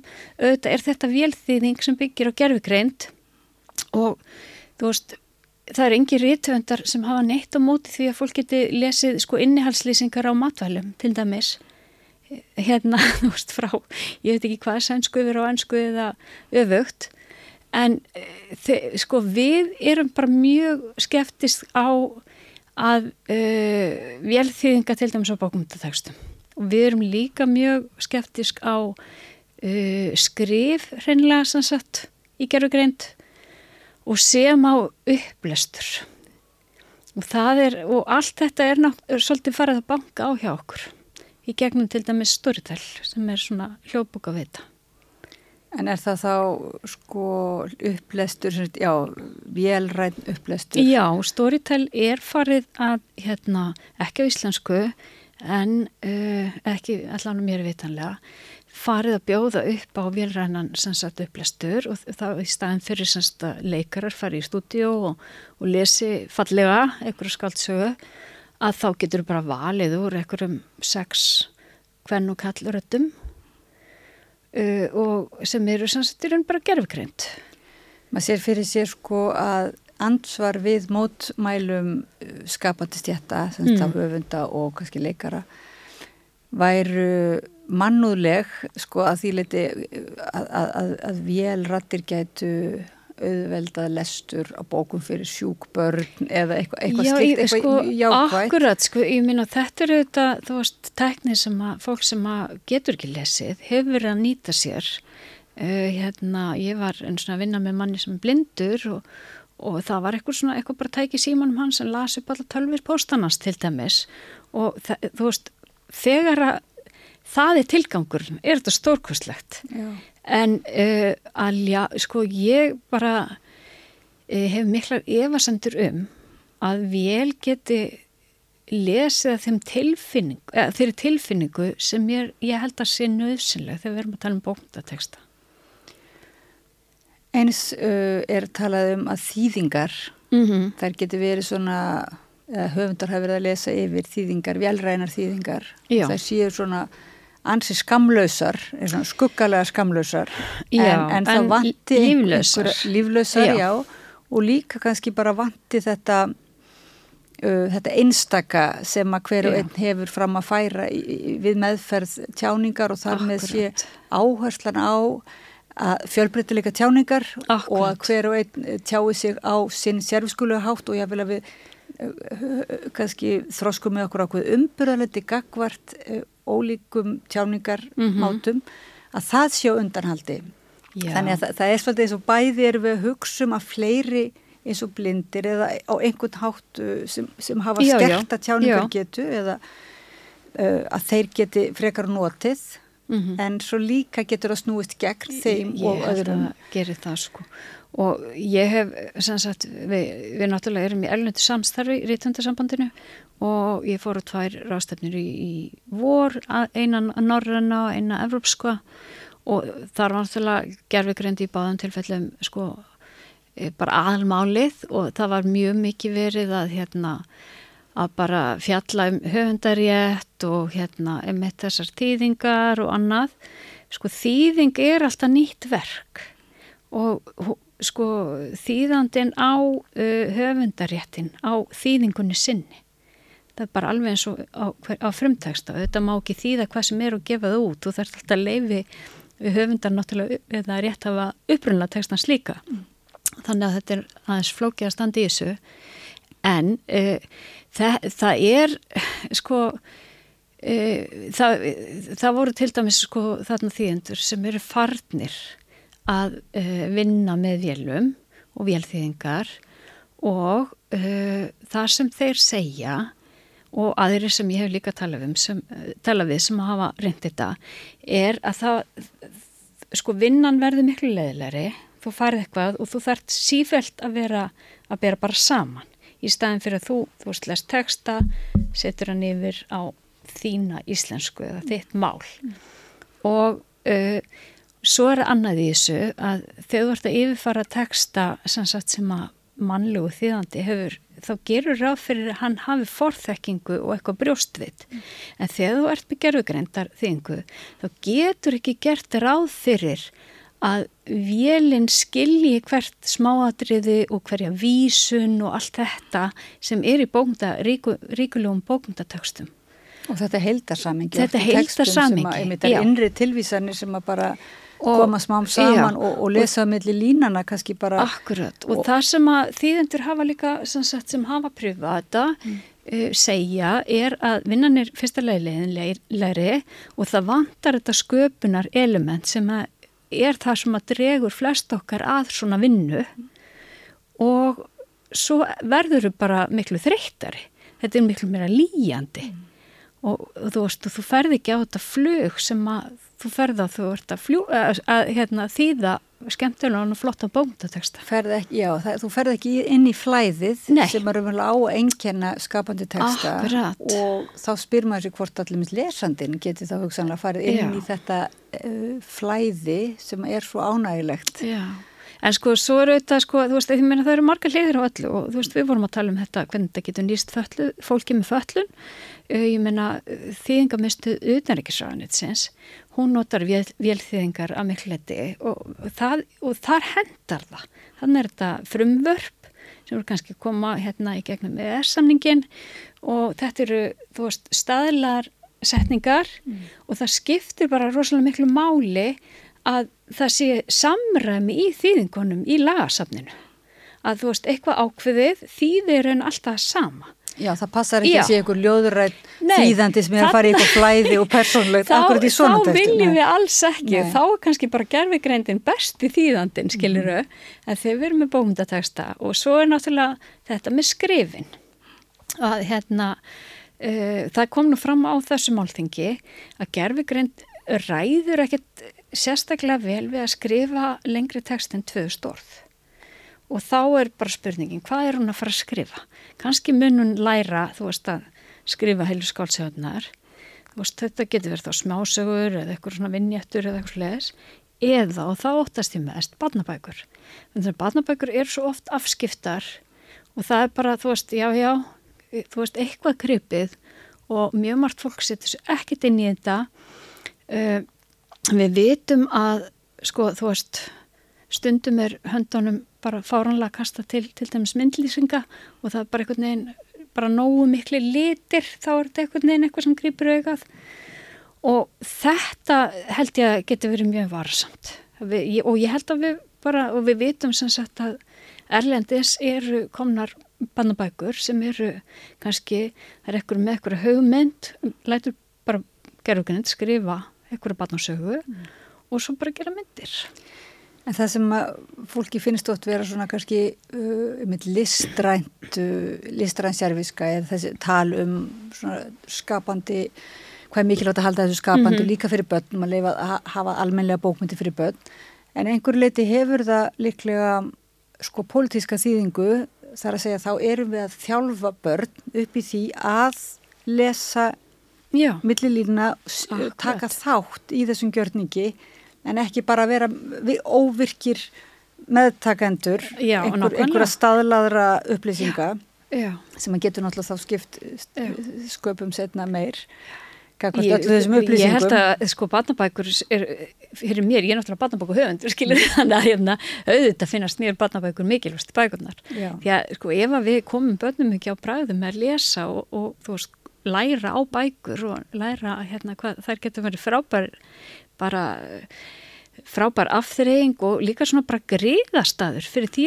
og þínar hugsanir að þá erum við ekkert að fara að sjá það verður enginn, skiluru, lesandi þegar hann er 35 ára Nei. þú veist, þú þart að byrja þetta er svolítið eins og bara hákall þú lærir það ekki 35 ára þú ert að, þú veist, læra það alveg bara en frá tekjur aldrei, sko En þá komum við nú að stóru máli sem er einmitt lesari, en, líka, hérna, þá er það hinnir höfundarnir, þetta aðrir höfundar sem eru um, höfundar sjómansefnis og, og kvikmynda uh, og sumi læra ekki kannski að njóta þess eða aldrei að, þess að nöyt að vera mm -hmm, lestra nöytnin mm -hmm. en, en kannski ná því með, sjó, með því að horfa sjómarpið og kannski ég veit ekki, orðið gamaldags að gera eitthvað sérstaklega greinamun þar á milli, en getur þú sagt mér frá þessu verkfalli sem að Hollywood skrifarar? Já, að einhverju liti, ég er nú kannski hérna, veist, þessi heimur er mér líka svolítið framandi, mm. þessi handilskrif, en uh, við vitum bara það, að hérna uh, það hefur breyst rosalega mikið í uh, þessu öllu saman með hérna streymisveitunum og það er bara, það verist hafa mjög, þú veist, þessi ólíka miðlun verist hafa greiðilega mikil áhrif og líka á bara samfellu starfa. Og eitt af því sem að handlisöfundar voru að krefjast, sagt, Uh, betri kæra vegna var vegna þess að það var svo mikil ófyrirsjánleiki, fólk var kannski að skrifa eina sériu og svo er það búið að skuldspunda sig til að skrifa næstu sériu en það var alveg óljós hvernig hún ætti að vera og þú gast ekki lofaður í önnu verkefni eða gert neitt og varst í raun bara launalös kannski eitt og allt ára á milli. Uh, en svo er það náttúrulega gerfugrindin þarna líka. Og uh, þau sannsagt fóru fram á sannsagt í ímis ákvæði sem eru tengt gerfugrind og var fyrstu hafnað en svo eftir fimm mannaða verkfall þá komi þarna ímsa kærabætur Uh, það sem að eins og þetta snýra okkur þá er þetta ekkert endilega veist, eins og við myndum vilja hafa þetta. Þetta er hérna hvað hendar þessu fólki á þessum stað og í þessum störfum í Hollywood best en, og er svolítið sko að þau fá að taka stjórnina. Það, uh, það sem að sem sagt uh, framlegandum virtist finnast til dæmis alveg sjálfsagt var ekkurir höfundar myndi leggja upp fyrstu serju en svo myndi kannski bara gerfugreint skrifa serju 2 eða eitthvað skilir þegar að og vinna úr þeim hugmyndum sem þegar eru komna fram. Uh, þetta er ekki hægt samkvæmt þessum samningum uh, en hins vegar geta höfmyndar nota, nýtt sér sagt, gerfugreint en þá með leifi annara. En svo eru sagt, ákveði komin um innum gerfugreint í höfmyndarsamninga til dæmis eins og í Svíþjóð. Uh, þar eru sem sagt, uh, uh, sem sagt ákvæðið sem að í raun banna hérna til dæmis velþýðingar mm. á uh, texta, sem sagt bókmynda texta sem er sem sagt útgefin mm. að það megi þó ekki fara með henni í velþýðingu þótt að uh, þýðandi megi nota sagt þýðingavélar sér til í sinni vinnu. Já, en þá er það kannski ekki spurningum sjálfa takna. Sko. Já, þegar þá er það eiginlega andstað höfundarins við eignarhaldið Já. og við raunverulega þessar stóru stórfyrirtæki er ekki sem mm -hmm. eru með eignaréttin það á höfunda Já. taka yfir höfundaréttin er ekki En það, það er kannski meira það bara átt að gagvart því að möguleik þörfin á að vera vakandi gagvart því frekar en sjálfur í tekninni það er í hvers hendum verður gerðvigrið þetta tekninni það, það er líkil atriði mm. því að við getum litið á þetta bara eins og hvert annað verkfæri. Og hérna uh, þú veist hver má nota þetta verkfæri? Og ég til dæmis myndi ekki kæra mig um það að, að hérna, bækuna mín að kæma út á öðru, öðrum tungumálum og væru þýttar eitthvað gerfugjörnum þar. Ég myndi vilja að það væri eitthvað góður maður eða kona eða kvár sem að myndi skilja íslensku mm. og vera góður í sínu tungumáli mm. og geta líka sko, ég meina ég er að skrifa fyrir börn, það þarf í raun, sko ég og nokkra bækur sem að hérna við hafa komið út á öðrum tungumálum og, og svo útgáð er ekkert nákvæmlega eins og íslenska útgáðan vegna þess að í íslensku útgáðan er ég að tala við íslensk börn sem búa hér og hafa ákveðna forþekkingu en um leið og hérna, bókinu komin út í öðru mál samfélagi að þá eru bara aðri hluti relevant eða þú veist, eitthvað sem bara skiptir yngum máli mm. eða þá eitthvað sem þarf að útskýra betur mm. og þetta er eitthvað sem að góður þýðandi mannlegu þýðandi þarf að taka tillit til en ég tristi því ekki að vel getur gert það Nei. ég bara held að hún geta ekki Nei. og þú ert náttúrulega í það náinni samræði þá við þýðendur og veist já, já, ég hef meiri segja sko uh, hérna uh, þú veist farið yfir, við hefum farið yfir bækur og ekki bara sleppa þessu mm. þú veist og svona og svo bara gefið í raun svolítið hérna bara grænt ljós á að þýðandi vinnir svolítið sjálfstætt og svo fer, fer ég bara yfir. En nú er þú formaður Ríðtöfundarsambandsins mm. og uh, Ríðtöfundar hafa nú ofta á Íslandi verið, þeirra samtakamáttur hefur verið mikill og, og, og þannig að hafa orðið ímsar kjarabætur og réttarbætur. Mm -hmm manni finnst eins og við séum líku við ennþá reyndar að, að hérna, við búum vel að baráttu anda þeirra sem voru sko Já, fyrir svolítið lungu síðan. og svo auðvitað góða starfi sem er sífælt í gangi. Já. en samtakamáttur íslenskra höfunda er, er hægt að svona ímynda sér að hann verði álíka og í Hollywood? Nei, ég, þú veist, aðstæður er náttúrulega bara hreinlega allt aðrar. Um og svo eru náttúrulega höfundar hér, þú veist, þegar þú ert orðin handriðshöfundur í Hollywood, þá ertu búin að vinna þig upp í það. Þú veist, það er svolítið eins og þú veist, eins og höfundar bara í stæsta forlæginu Íslandi myndu taka sér saman. Og fara í verkfall gegn því forlægi en þess að ég minna fólk hér er að gefa sjálft út bækur og auðvitað út um allan heimi, þeir eru alveg eins. Og þú veist, þú ert með litla útgefundur, þú ert með einstaklega, svo ertu með bara reyna vonda útgjöfundur, en við skalum kannski ekkert reyða tími að tala um þá, en svo ertu með rosalega fæla og flotta útgjöfundur líka. Og eh, það, sko, en þetta breytt, breytta landslag sem er með hérna streymisveitunum, kemur með streymisveitunum. Og náttúrulega bókin hefur aldrei verið í eins mikil af, sko, samkeppni við aðra afþrengu og núna, þú veist, þú ert bara alltaf með þú veist, diskotek í varsanum skiluru og hérna endalus á sjónstætti, endalus podcast e, þú veist, og þú hefur bara 24 tími í, í sólaringnum og þarfst að vinna og sofa líka. Þannig að e, þú veist við sem höf, sko sjálfur ég er sko hljóðbúkaneytandi og mér finnst gott að ég á hund sem ég þarf að lappa með og ég fer allar með að ferða á hjóli þannig ég get nýtt þann tíma til þess að hlusta á bækur. En ég get ekki hlustað á mjög bókmyndalega og flotta texta. Þú veist, þá bara þú veist, keiri og stöyru eða eitthvað skilur, þú veist. Það, það, þú veist, það henda ekki allir bókmyndatextar í þetta form Nei. stundum þartu bara að sitja niður og lesa og ég veit að gera það líka en hérna En svo eru aðrir sem eru bara príðilegir í þessu formi. En ég held að við þurfum, og þetta er bara eitthvað sem við þurfum að hugsa, að þannig er þetta komið nýja sko, miðlunarleið og hún breytir bókmyndun. Mm -hmm. Hún breytir bæði, sko, veist, og við vitum það að til dæmis storytellin með sína einn útgafu og fær höfunda bara hreinlega til að skrifa inn í og þá ertu bara að skrifa í hver kapla og taka svona 45 mínútur, uh, þeir eru að vera tíu, Eh, það með ekki vera ómarka personur, það með ekki heit og skrítnum nöfnum því að þú veist, mm. það verður bara erfitt eða of líkum nöfnum þannig að það er ákveðna formúlir í þessu Hvað með svona eins og réttindabaróttu hinsegin og, og alls konar Já.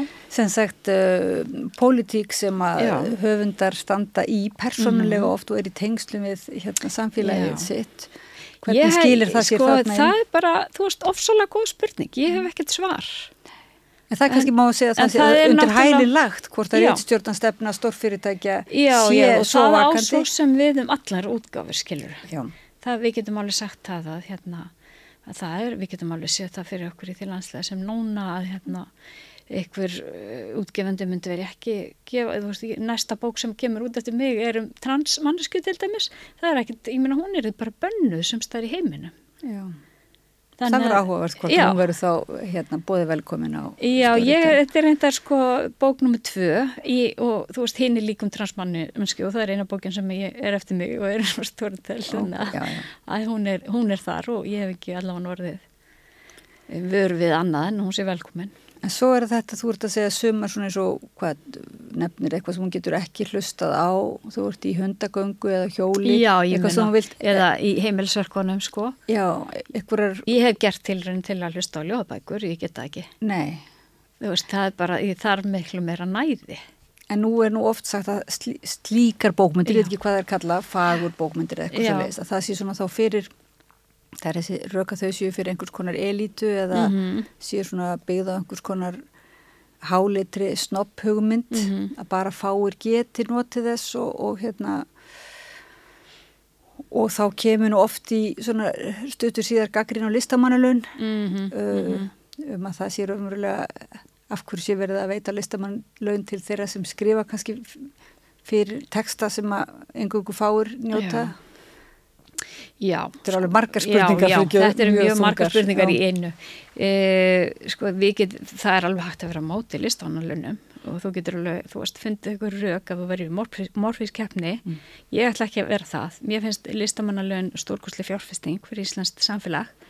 E, við hérna, eigum svo marga flotta, ekki bara höfunda heldur bara listamenn sem hafa byrjað sem feril og, á listamannalunum þau eru algjör forsenda fyrir því að setja að lifa á list á Íslandi í lang, lang, lang flestum tilfellum. Og ég held að fólk átti sig ekki á uh, hvað höfundar eða listamenn er að byrja úr bítum.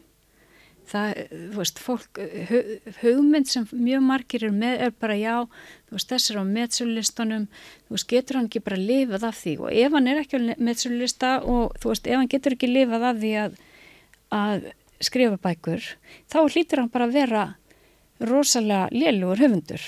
En sko ég til dæmis er að skrifa barnabækur ungmenn, og ungmennabækur. Þú veist það eru 500 til 600 börn í hverjum árgangi.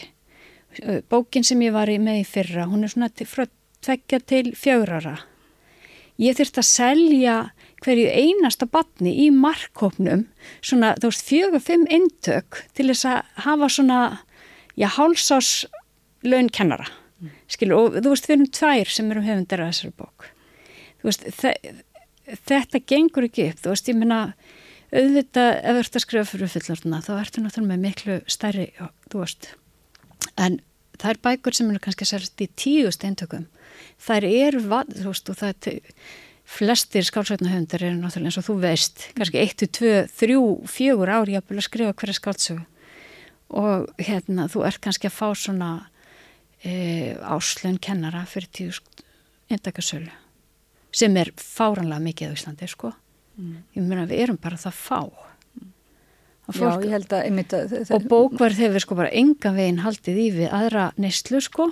Nei. eða e, bara annað Og ég held kannski að fólk sem er að agnúrast út í listamlun áttu sér ekki, mitt fyrsta lagi hvað eru, þetta eru ekki hálun. Nei, nei, nei, nei. og svo á, þú veist, það er að borga lífyrirsjóð og allt af þessari upphæð, sko. Já, en Já. líka bara raunverulega er þetta texta vinsla sem fer mjög víða, er svo Já. mikið notur í mentakerfinu og víða í kerfinu, þannig að ein, á einhvern hátt er þetta mjög svona, hvað, Já, það sé bara ofbúslega góð fjárfesting og við bara ok, við horfum á hérna aðra atvinnugurinn sem er ferðarþjónustan af hverju kemur fólk til Íslands? Jú, hér er stórkvæslega náttúra. En hitt sem að fólk nefnir og er, þú veist, skiptist að vera í fyrsta og öðru sæti, er íslensk menning. Og hún er bara ekki ókipis það þarf að borga fólki fyrir að vinna þessa vinnu. Hvort sem það er að skrifa kvikmyndahandrit sem verða bíomundum sem að það sem Ísland sérst og, og öll þessi fallega náttúra mm. eða bækur sem eru þýttar út um allan heim. Uh, eða þú veist tónlist. Hildur Guðnadóttir mm. var á listamannuleunum og ef hún hefði ekki fengið þau þá væri hún kannski bara tónmentakennar í árbæ eða eitthvað skilur það Já, Þa, bara með fullri virðingu fyrir því að vera tónmentakennar í árbæ Já, það er alveg, en ég menna hún, hún hérna væri ekki hún vildi gera annað, já, líka. fara að fá öll þessi velun sem að, og þú veist Róður Íslands vex með hennar dáð Já, já, svo er náttúrulega búið að rekna það út í mörgum skýrslum um já, já, já, vegum sambarlega hagsta En ég hef stundum horta á þetta og ég held að, að sko listamannalöna kerfi sé ekki endilega frábært kerfi. Og þú veist, hérna við við vorum nú að ræða það hérna fyrir þáttinu, við erum báðar nýbúna fyllun um sókn og þú veist og þetta er bara opbáslega stressandi og svo bara er þetta úr manns höndum og svo eitthvað tíma eftir eitthvað mánuði þá fáum við að vita í kringum áramót hvort við verðum að launum það næsta ár. Mm. Veist, það er ekkert atvinnu og það ég get ekki farið á, hérna, á bara atvinnilisbætur eða ég fæ ekki listanmannur, þetta virkar ekki þannig, þá bara er ég ekki með neinartekjur. Og þannig að veist, þetta er ekkert endilega alveg super, super gott kerfi sko og hérna það er margir náttúrulega verið að skoða einhvers konar borgarlaun og mjög svona á, áhugaverð sniðmengi fólk sem er klint borgarlaunum en á móti listamannlaunum því að í raun og veru er þetta bara samhluturinn að það er verið að tryggja fólki grunn framfærslu og hérna og eitthvað svona grunn og, og annað byggist þó ofan á. Og Írar hafa verið náttúrulega með ákveðna tilraun fyrir fólki skapandi greinum að hérna með svona eitthvað skonar borgarlaun Það er svona eins og skríti hvernig svona almanna umræðan okkar, hún, hún er svolítið först finnst manni aftan í aftan í öldum mm. og, og hérna og jáfnvel sem að listamenn einmitt fara að vís, vísa í hvað er vinni mikla sjálfbúavinnu og fara að vísa í mm. hvað bændur eru mikið styrtir og, og, og sjávarútvegin og ferðaþjónustan hvað eru allar greinar á Íslandi eru mikið ríkistyrtar og hvað lista, eh, listamenn eru þá kannski ekki mikið styrtir í samanbyrðin en þetta verður þá svona skotgrafir Já, sem væri sannlega bara ríkarlega vond. Já, erfiðar og vondar Það er sko. mjög vond mér finnst umræðan hafa verið betri núna síðustu ár.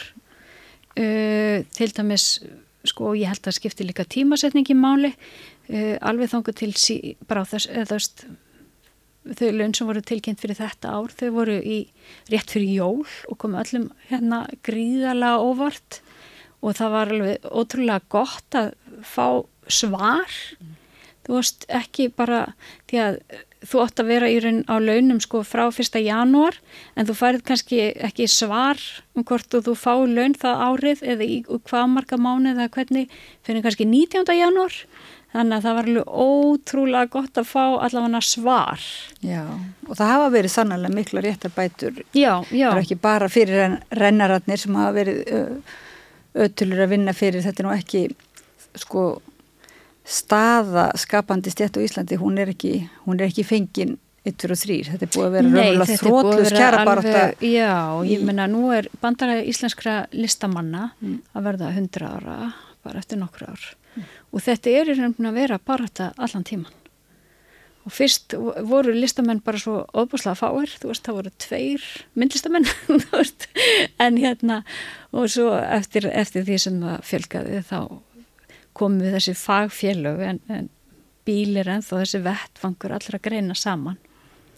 En, en þú veist, þetta skiptir rosalega miklu máli. Og það skiptir máli bara einhvern veginn að við sem erum að reyna að lifa í einhvers konar list að við tölum um það líka vegna þess að mér hefur oft fundist uh, fólk bera sig einlega betur en aðstæður er til. Ég held að fólk til dæmi sko skáldsega sem kemur út hérna í kilju selst í þúsund eindökum, það þykir bara alveg fínt. Þú ert að fá kannski 500 skall. Þú veist, þú ert ekki einu svona ná mánalun og þetta veit fólk ekki, fólk gerir sér ekki grein fyrir og þetta, það bara skiptir máli að segja frá þessu því að hérna, það hljóta allir að sjá að það þurfa að koma ykkur aðra að tekja líka. Og það er náttúrulega þá líka meðsölu höfundarnir, spennubóku höfundarnir og, og hérna sem einmitt eru mjög, góð, mjög góðum málum. Þeir oft kannski ruggla svolítið þessa. En það eru sko, þú veist, ég minna það eru kannski fjórir spennubóka höfundar sem eru að selja vilja útlandum og svo eru kannski þú veist, í þrýr, fjórir í viðbót sem eru skálsagnahöfundar sem eru að selja í útlandum en að byggja upp feril sko í útlandum líka þetta tekur mörg, mörg, mörg ár og þau eru mjög mögur mm.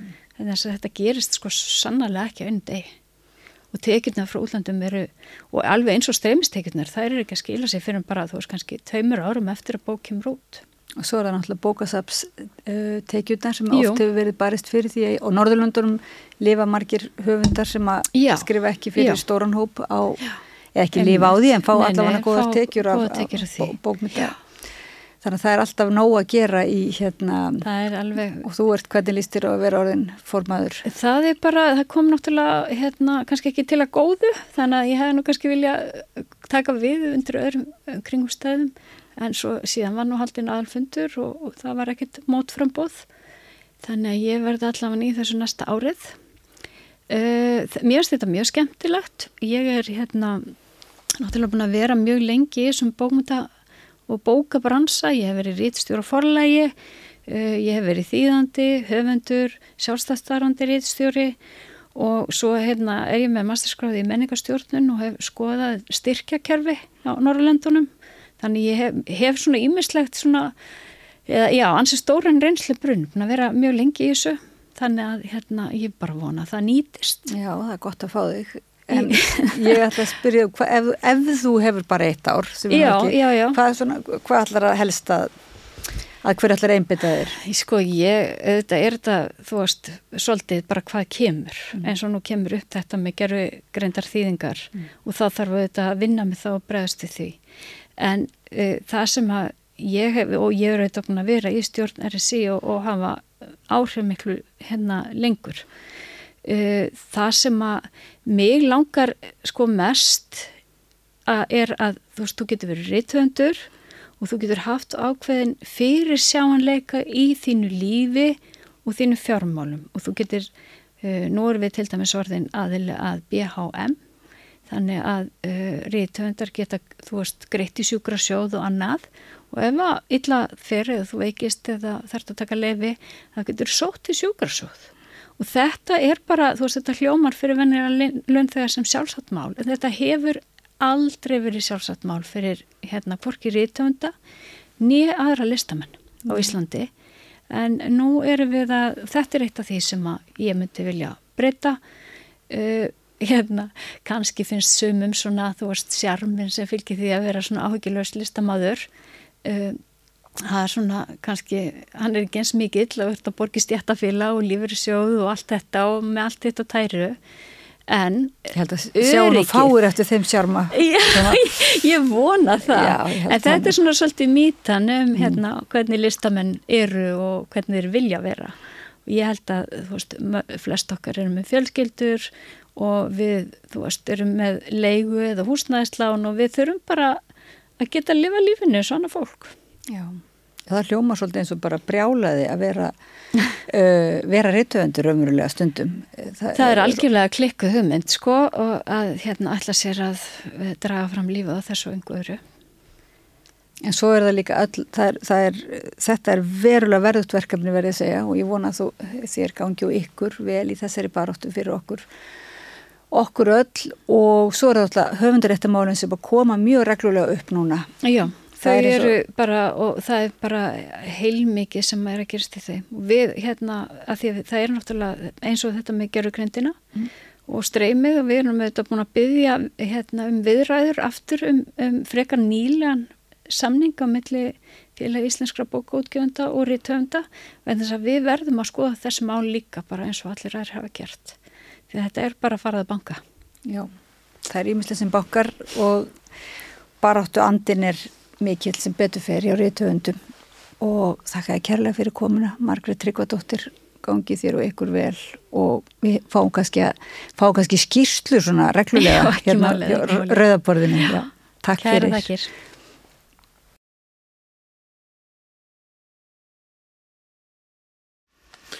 Já, við höfum hérna undarfarið eiginlega frá því um þar síðustu helgi verið að ræða sósialisma hérna við Rauðaborðið. Tilitmi var það að, að Jeremy Corbyn fyrir um leitt og í verkamannaflokksins kom og held erindi í safnahúsinu og sem við sendum út á samstöðinni og höfðum svo samtal hér á eftir við, við Rauðaborðið, við gesti á þeim fundi og svo hef ég talað við svona einn og einn í kjálfarið voru þrjú viðtölu í síðustu viku og, og nú komin í vika og, og nýr maður til að ræða já, um svona sósialismann út frá því sem að Korbin var að segja. Sigurður Pétursson, sakfræðingur, velkomin Takk fyrir. Hérna, ég spurði hína sem hafa komið hérna um uh, hvort að þeir væri sósialistar myndur þú kalla þeir sósialista? Já, já, ég held að gera það í dag. Já, en ekki áður. Uh, Sósialista nafnið, sko, ég hef alltaf skilgrænt mér sem róttækaðan jafnaðamann. Já. Og svona í gegnum söguna hefur mér fundist eiga mesta samleið með þeim.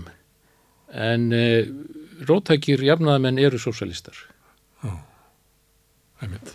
Jafnaðamaður eru svo náttúrulega svo vitt hugtak, það er Ég er nú Sósialdemokratar eru, eru jafnaðarmenn en sósialistar eru líka jafnaðarmenn. Ég er nú stundum hvarta við hérna, fólki í samfélkingunni sem að nota þetta að jafnaða stefnuna, hvarta yfir því að hún setja sig næstu óskiljanlegt í þeirra munni eins og sjálfstæði stefnun er hjá sjálfstæðarfloknum. Þetta er svo, þetta er eitthvað svo óljóst. Óljóst hugtak, já. já.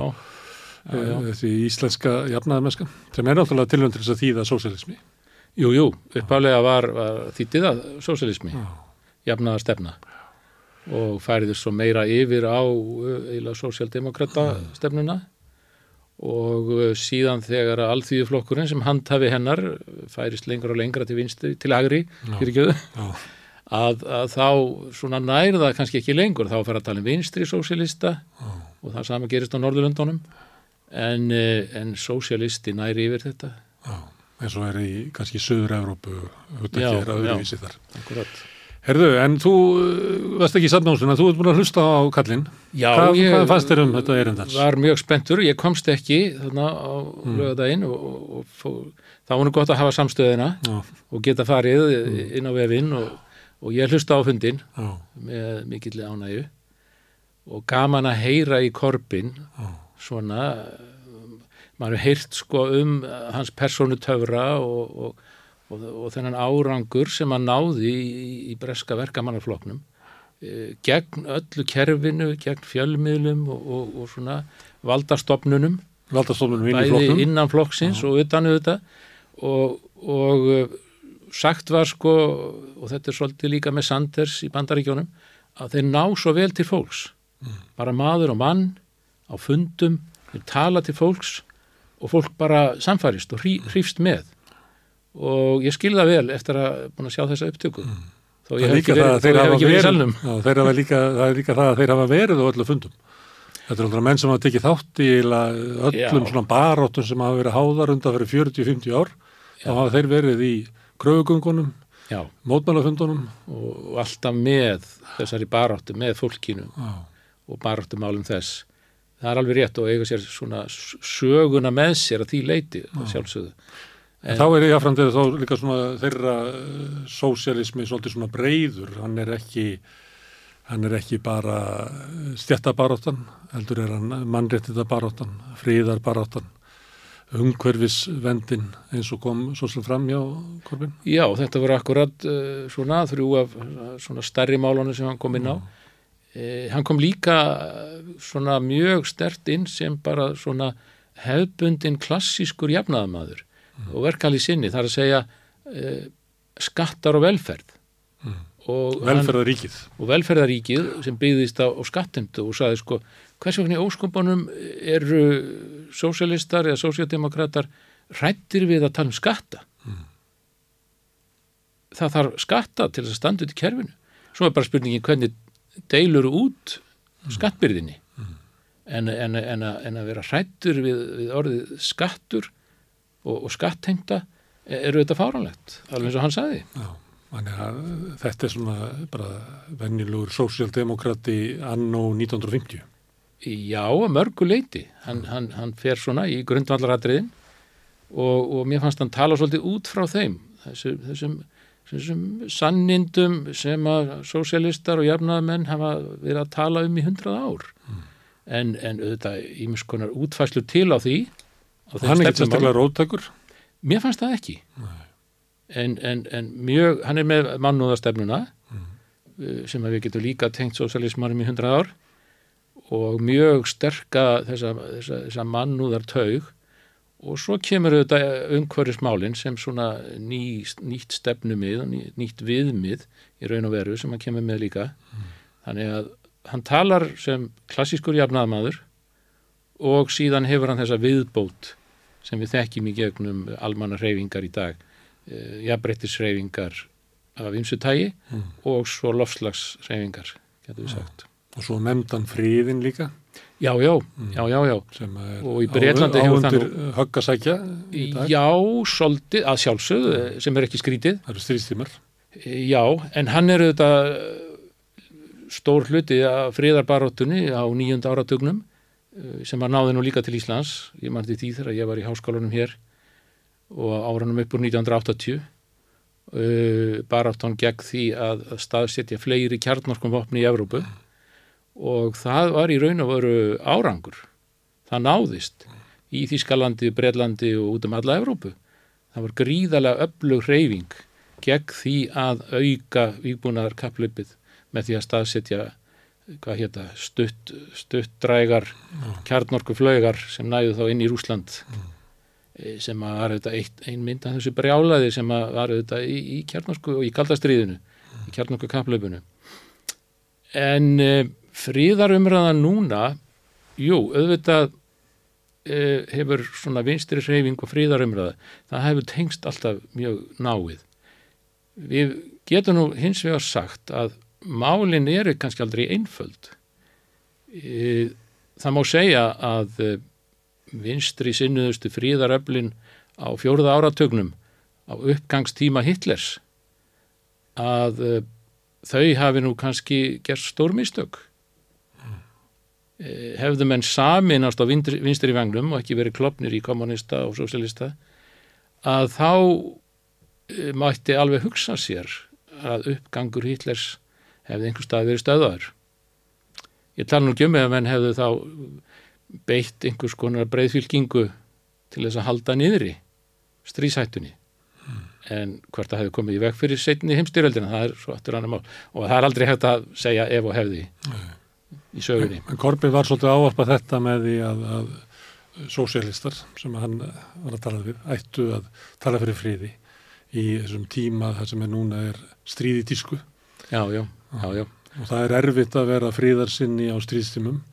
Tífa snædalorða hérna þegar hún kom hingað í einhverjum öðru þætti um að það væri svipað og að vera veganisti millir máltíða. það, það er búin auðvelt. Já, já, já, já. E, þarna takast á þetta líka önnur viðþór sem er, er sko yfirgangur einræðis herra eins og Pútins. Já þar sem að, að, að ríki ræðst á annað ríki að fullum afli með sínum herr e, þá verður fólku þetta að taka afstöðu mm. en um leið er líka óþarfi að, að taka afstöðu með allri hernaðar vélinni sem er út um allan heima eins og hann nefndi 37 átakasvæði í heiminum mm. þar sem er verið að nota vopna fólk mm og drepa fólk. Knúið áfram af her, hergagnaðinaðinum. Og, og hergagnaðinaðurinn græðir á hverjum einasta stað. Mm. Herðu, en að því að þú ert nú búin að vera stúdrað verkalýtssögu, mm -hmm. þá ef maður, svona, ef ég reyna að rifja upp það sem að, að Korbin var að tala og sem svona sósial, sósialisti að halda erendi, mm -hmm. þá var hún ekki mjög ábyrgandi, svona verkalýtssbaróttan -hmm. eða verkalýtssreifingin. Það er rétt, það er rétt. Og svolítið sérstata vegna þess að verkamannaflokkurinn Breski sem að hann hefur leitt og, og verið hluti af mm. í marga ára tugi byggist að stóran hluta upp á verkefliðshefingunni það er ennþá mm. þannig að, að verkefliðsfélagin eiga beina aðildafloknum mm. þá var sér búið að takmarka núna svolítið mm. beina stjórn verkefliðsfélagana á aðstu stopnunum flokksins mm. Þá var fjármagnaðan að einhverju leiti? Þeir gera það, stórum mm. hluta og stæðstum hluta og en þá þá var þetta svona, svona ingróið en hann, hann var samt ekki að tala um að, að verkalýsreifingin væri hluti af þessu afli sem að væri, ætti að breyta, breyta heiminum eða breyta stjórnmálunum. Mm.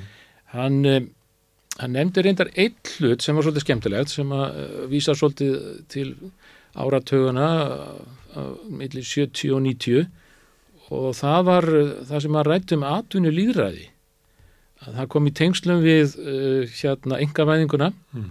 Og hvernig að, að uh, kapitalismin hafi nú eiginlega sko vaðið yfir á síðustu áratögum og tekið til sín uh, fleiri og fleiri svið sem áður voru almannasvið, uh, alls konar almanna þjónusta og þjónusta við almenning sem var áður rekið af ríkinu mm. í ríkisfyrirtækjum eða almanna fyrirtækjum sem er nú búið að enga væða og, og, og, og eru núna bara reygin eins og hvert annað fyrirtæki en þá nefndan að uh, það var ekki nóg að uh, snúa hjólunni tilbaka að því leiti að breyta þessu aftur í ríkistofnanir heldur það yrði þá að vera með einhverju nýju intaki mm. að, að sósialismin væri ekki bara ríkisrekstur mm. heldur það væri þá ákveði form þar sem að starfsfólkið þeir sem að vinna verkin þeir ætti að hafa rödd mm. Og mér finnst þetta svolítið aðdeglisvert að þetta hefur ekki heyrst í, í nokkuð langan tíma. Eh, einhvers konar atvinnulíðræði einhvers konar stjórn eða aðild uh, starfsfólks að stjórnum fyrirtækja. Við sjáum á Það væri til svona samfélagsleg fyrirtæki og já, stofnanir án þess að þetta var ríkistofnar Já, já.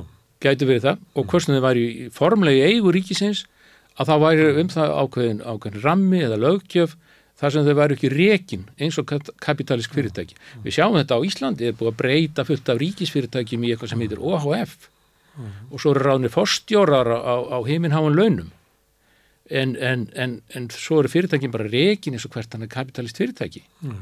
og það sér engin eitt mun á því hvort það er ríkisfyrirtæki mm. eða eitthvað annað.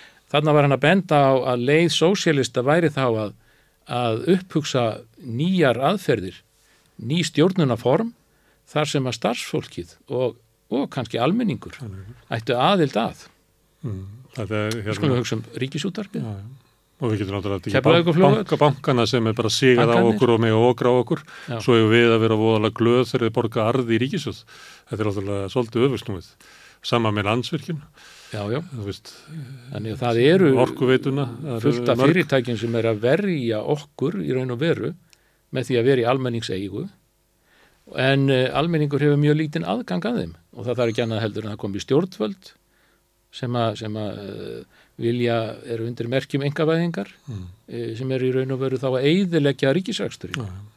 Við höfum nú svolítið rætt þetta svo settar komið eins og ímsa tilugur eins og til dæmis að í stjórn tryggingastofnun rætt að setja sko örkjar og eftirluna fólk þetta er náttúrulega stofnun sem á að þjóna þessum hópi Já. og þetta eiga bara fulltrúar þeirra sem stofnun á að þjóna að vera í stjórninni og þetta fullt tilmið til vegna þess að ég býst við að þú myndir sko spurja fólk sem að þarf á þjónusunni að halda að þá er hérna, upplifun þeirra af tringastofnun yfirleitt ekki góð. Já, já, já, já akkurat, akkurat. Þú nefnir ríkisútverfi, það er ekkit að því að það verði bara sömuleyti kosið í það eða þarna sætu inn í hérna, fulltrúar almannarsamtaka. Það er margt betra heldur en að láta þessar stjórnmálaflokkar aða fólkið henni. Já, einmitt, eða einhverjir OHF, það sem er bara einn ráþeira sem er fjármálaráþeira, eða mentar hverja það er, ég veit ekki, sem, sem á, á þetta eina hlutabref. Já, já þannig að, þannig að það er ekki það er engin, engin dreifing í, í því hvernig þessu stjórnað mm. Það er fínt að fá skuldarana í stjórnir bankana það verður kannski vera þess að þessi regnir Hvort sem það væru, væru þeir sem að eiga bank, á, á bankabók eða, eða þeir sem að, sem að, sem að skulda. það er, það er alveg rétt og, og, og fleiri kerfi sem að, að jafnaðamenn hafa komið upp hvort sem það eru almannatryggingannar lífur í sjóðurnir e, og fleira kannski ættu sósialistar að, að, að, að hugsa það eins upp á nýtt. Já. hvernig er þessi, þessi kerfum stjórnað og, og dæmum það er til dæmis eh, með lífyrirsjóðina og eins og, og eins og hann hefur nú bent á hann Ragnar í, í var ferrað að af hverju eru það ekki sjóðsfélagarnir sem að eiga sjóðina, af hverju eru ekki þeir sem stjórnaði Já Og það eru þar inni fulltrúar fyrirtækjægenda sem eru umlega neitunarvald. Þeir eru jafn marga stjórnarmenn eins og, og lögþegar. Og geta stoppað alla framþróun í þessu kerfi. Ja. Einn leiðin var í svo, ef við erum að leika okkur hérna, mm -hmm. að til dæmis eins og í hagar, ég held að hérna lífyrirsjóðnir eigi um 80% hlutafinu, að þeir geta náttúrulega að nota atkvæðamag sitt þannig að sko starfsfólk gerir því kosið í stjórn. Akkurat. Þetta er bara, við getum gert þetta morgun. Já, já, við getum hérna náð draumi sko sósélista um svona líðræðislega uppbyggingu samfélagsins og atunlífsins bara á morgun ef það verður viljið til þess. Og þetta, svona hugmyndir voru í, gangi hérna kringu 1980 ah. fyrir og eftir og, og, og sænsku kratarnir þegar þeir voru búin að vera í stjórnum 50 ár þá fóru þeir nú að hugsa hvert að komið væri nóg eða hvort að ætti að, að, að halda áfram mm. í því að, að breyta þjóðfélaginu smátt og smátt. Líðræðisvæða atvinnulífið. Líðræðisvæða atvinnulífið og, og þetta var ein hugmynd. En þetta var svo steindrepið á, á, á uppgangstíma frjálsíkjunar og svona hugmyndir hafa bara ekki verið neinstaðar nánast í kannski Suður Ameríku hjá, hjá svona hálfbyltingarreyfingum þar eða sósialískum reyfingum Já, en þetta er samt ekki rótakar en svo að, að þú nefndir sænsku kratana, ég býtti þessu svona hugmyndi sem menn bara eins og Óluf Palme voru bara Já, já, og, og, og það var svona hagfræðingar, uh, sósialdemokrata í bæði í Svíþjóð og Danmörk og Norri sem að voru komni með þessar hugmyndir og verkalýsreifingin þar, farin að ræða þessar hugmyndir. Að einhverju leiti gerðist þetta en, en hættan eins og alltaf er auðvitað svo að, að, að þó svo starfsmenn uh, fyrirtækja fá að mynda starfsmanna ráð og kjósa eitt fulltrúa inn í einhverja fimm eða sjö manna stjórn að, að þá kannski verður ekki mikið. En það átt að vera upphafið einhverju sem svo kannski aldrei varð. Hann eh, talaði ekki um svona að vera þetta ná fram hérna, breytingum eh, til dæmis með verkvöllum eða svona hefðbundnum baráttu aðferðum verkalýsis sem að var, eh, það, var það er svona okkur skalli í frásögnum Já, já, maður bjóst Já. við að hann myndi nú tengja verkalýsefinguna betur við Já. Eh, hvort að sko, vegna þess að við höfum líka heyrt það frá Breitlandi síðustu tvö árin að, að það, það hefur verið, hafa verið verkvöld mjög víða Já. mjög víða í, elmit í þessu almanna þjónustu hafa verið verkvöld alveg upp í það að, að læknar og hjúgrunarfræðingar í, í, í Breitlandi fóru í verkvöld í fyrsta skipt í sögunni og uh, jafnbreytastarsmenn sem er svo sem ekki óvanalegt og fleira.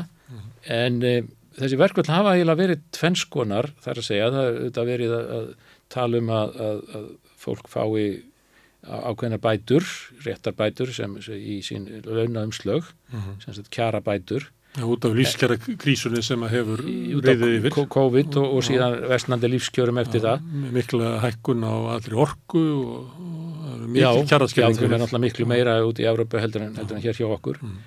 en, en jafnframt hefur líka verið pólitísk intak í þessum hjaradeilum þar að segja að verja almannaþjónustuna. Mm. vegna þess að í Breitlandi eins og við finnum fyrir jafnvel hér er meira og meira eh, þar sem stjórnvöld eru íhjaldsum að verið að þoka almannaþjónustunni til hlýðar og búa til tvöfald kerfi. Það er að segja, eh, eitt kerfi fyrir hérna betur stæðu sem geta borgað og svo annað verra kerfi fyrir þá sem að, að fyrir allan almenning. Og þetta er orðið mjög ábyrjandi í Breitlandi og hefur komið fram í ofinbæri umræði þar til dæmis að, að það var tekið saman að, að ráþeirarnir í, í, í stjórnin hjá honum hérna, ruglu, ruglukolli hérna sem sagði af sér í fyrra. Boris Johnson. Að Boris Johnson.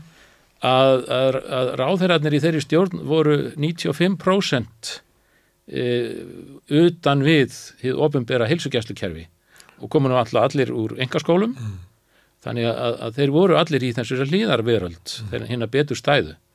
En, en almenningur á svo að gera sér að góðu kerfi, eins og skólakerfið í Breitlandi sem liggur undir miklu ámæli núna fyrir að drabbast nýður ekki bara húsnæðið heldur bara almennt kerfið sem er sér bara byggt upp fyrir forréttindastéttina.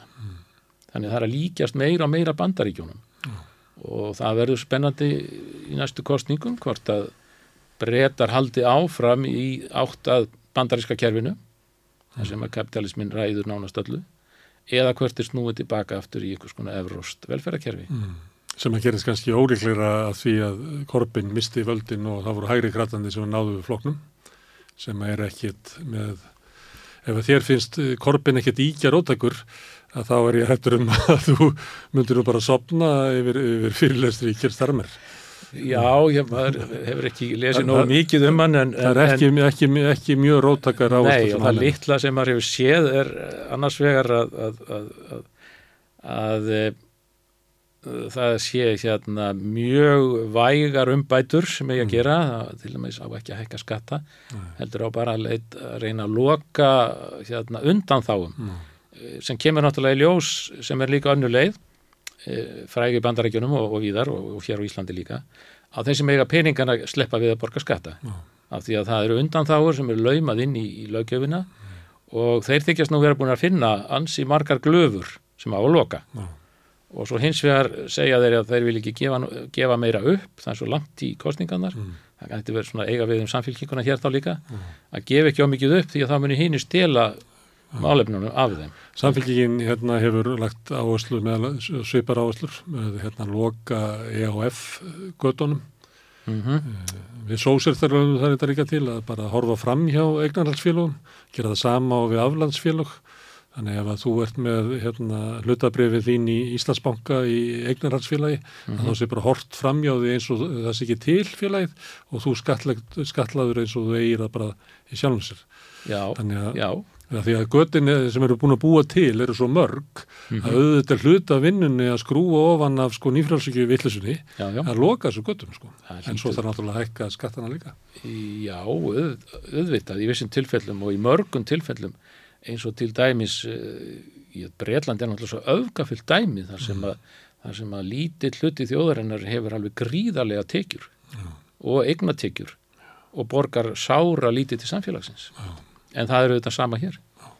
Erðu, það áfram að þetta með verkalýsbaráttuna sem að kannski vantaði í ræðina því að hann tala líka um borgarlaun sem svona lausn sem að maður veit að, að sko verkalýsreifing á alltaf í svolítið vandraðu með. Því að, að með borgarlaunum að þá er svona e, ja, fereilega að það dregur úr mættinum sem að verkefliðsefingin hefur til þess að loka fyrirtækjum og, og standa í kjærabartunni að hættan sé svo að, að, hérna, að borgarlun séu bara eitthvað sem að auðvaldi bara borgar til þess að fá verið í friði og sjáum það en svo fá stjórnum við eða samfélaginu áfram. Þannig hann nefndi borgarlun sem nöst sko, sem að fer oft í svona illa í, í menn sem eru verkefliðsmein í lífinu. Já, ég held að fari ítla í þá sem að trúa einhvern veginn á þessar stopnanir sem að eru til staðar í samfélaginu ég hef verið mjög hrifin að þessum þessari hugmyndum borgarlun mm. að því leiti að, að þetta er svolítið anarkist mm. og uh, auðvitað því vitum við svo sem ekki hvað þetta þýðir í raun uh, eins og margar byltingakendar hugmyndir að þú veist ekki útkomuna fyrirfram mm. en í grundvallaraturinn þá snýst þetta kannski um það hvort að þú treystir fólki að, að fólk sé heiðarlega hugsandi, sjálfstætt og frekar skinsamt og uh, þetta muni verða til góðs fyrir samfélagið heilt og ef við hugsaum þetta út frá út frá einstaklingunum í samfélaginu en ekki út frá einhverjum stopnunum eða kerfum sem við erum búin að koma upp að, að þá er greinlega, þá finnst mér svo margt á þess að græða. Mm. Þetta gæti leitt til þess að við fengjum miklu opnara, skemmtilegra, menningarlegra, frjálsara samfélag heldur við höfum í dag og jafnvel miklu meiri samstöðu og miklu meiri bræðralag eða ef maður má segja það ennþá og nota það orð.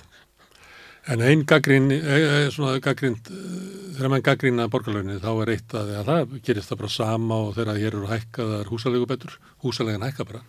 Þannig að raunverulega ættu í staðin fyrir að stefna því allir hefðu sko 300 skona tekjur, þá ættu við að stefna því að, okkur stefnum við ekki bara gjaldfrjálst húsnæði, gjaldfrjáls helbíðisjónusta, gjaldfrjáls mentun að sjálfsögðu.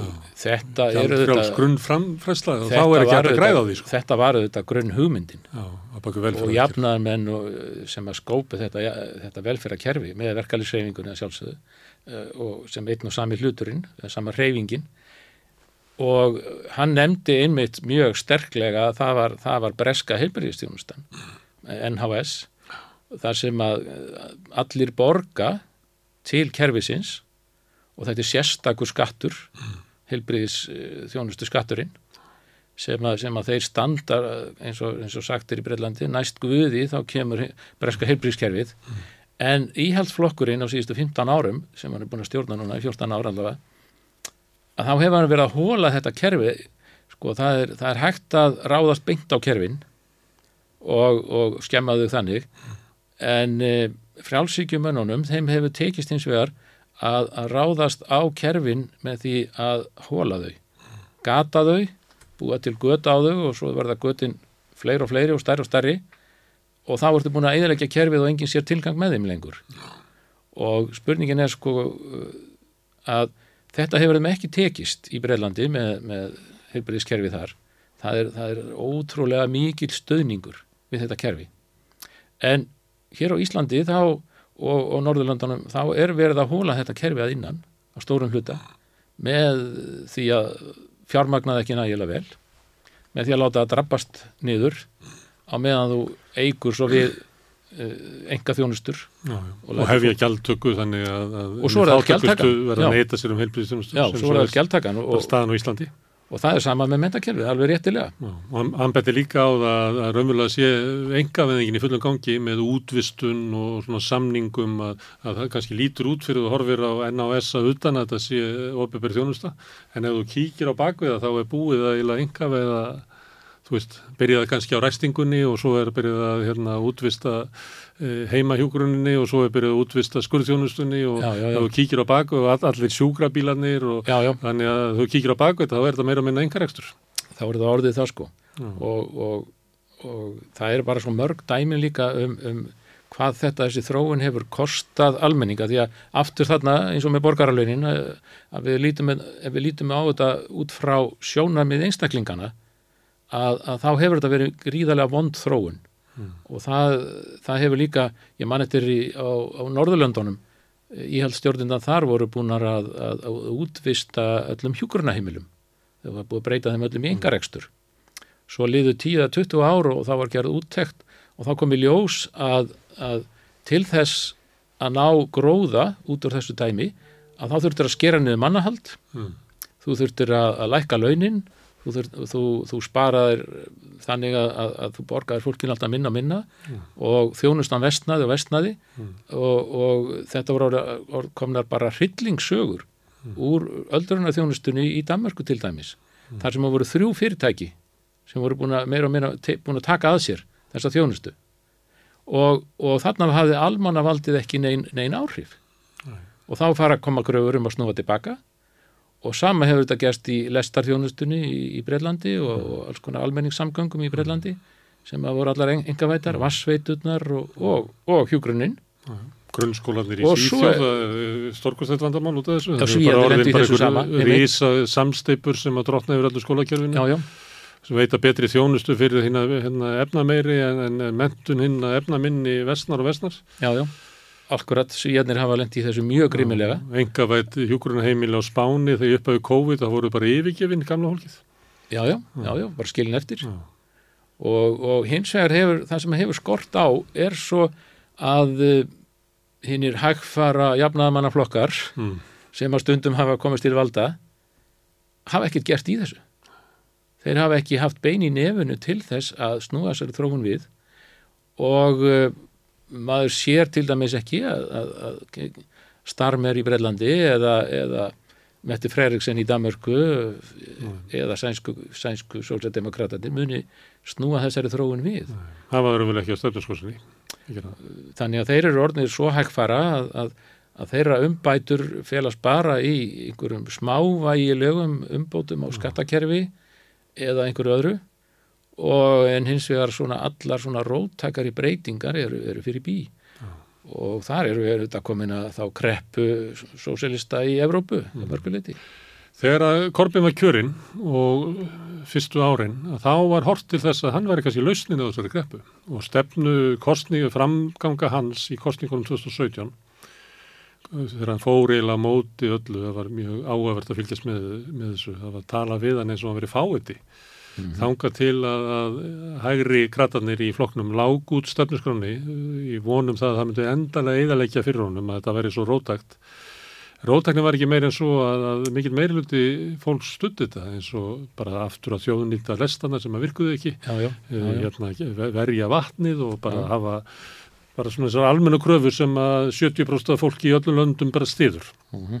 og hann fekk svona smá breyk hann að síðustu kannski viku, tíu dagana að, að vera í fjölmjölum á þess að vera talað við hann eins og hann væri sko bara terroristi sko. Mm -hmm. já, já. og hann fær hann að 40% sem eru meira fylgi heldur en að, að nokkur hefur fengið fyrir utan fyrstu kostningar Tony Blair og svo þetta fara ja. aftur til Harold Wilson 1971 til þess að fá hann blóma, blóma tíman eftir setn heimstjörður þannig hann er, er og, og þá var mikil von í kringu það, það síðan koma kostningar 2019 þá nær hann engum mjög vondum áragri og Nei. það sem að verra er að þá fær Boris Johnson fylgi, klassiska verkalýsfylgi úr norðurhéróðunum og þá kemur í ljós að þetta sem að stundum hefur verið kallað þetta svona korp, korp, korpinismi sem er svona hugmyndum að ná svona unga fólkin í borgin, borgunum með öllum einföldunum sem er í mannréttita baráttunni og, hérna, umhverfismálunum og öðru slíku og tengja það saman við verkalíðin sem er bara að berjast fyrir því að eiga fyrir sómasamlega líf já, já, já, þá kemur í ljós 2019 að þetta er ekki halda og þeir missa raunverulega eiginlega verkefnisfylgið yfir til íhalsins af öllum stöðum. Jú, jú, jú, jú, það var þessi merkilega, Já, já. merkilega breyting. Og eftir sittur þá þessi hugmyndum að þessi leið korpins yrði raunverulega þessi lækninga á sósjaldemokratíunni að hún, það er engi bjart á það lengur. Nei og, og að hluta þetta byrtist uh, eiginlega á öllum vesturlöndum má segja. Uh, Það hefur ekki tekist að tengja saman gamla verkalýsfylgið þar sem, uh, þar sem að fólk var í verkalýsfélögum og gegnum verkalýsfélögin hafði áhrif innan, jafnaðamann eða verkamannaflokkana og svo aftur þetta nýja róttaka fylgi Mm. sem að tengi sig við oft einsmálshreyfingar, umhverfismál, jafnbryttismál og, uh, og það hefur ekki náðst að tengja þetta saman.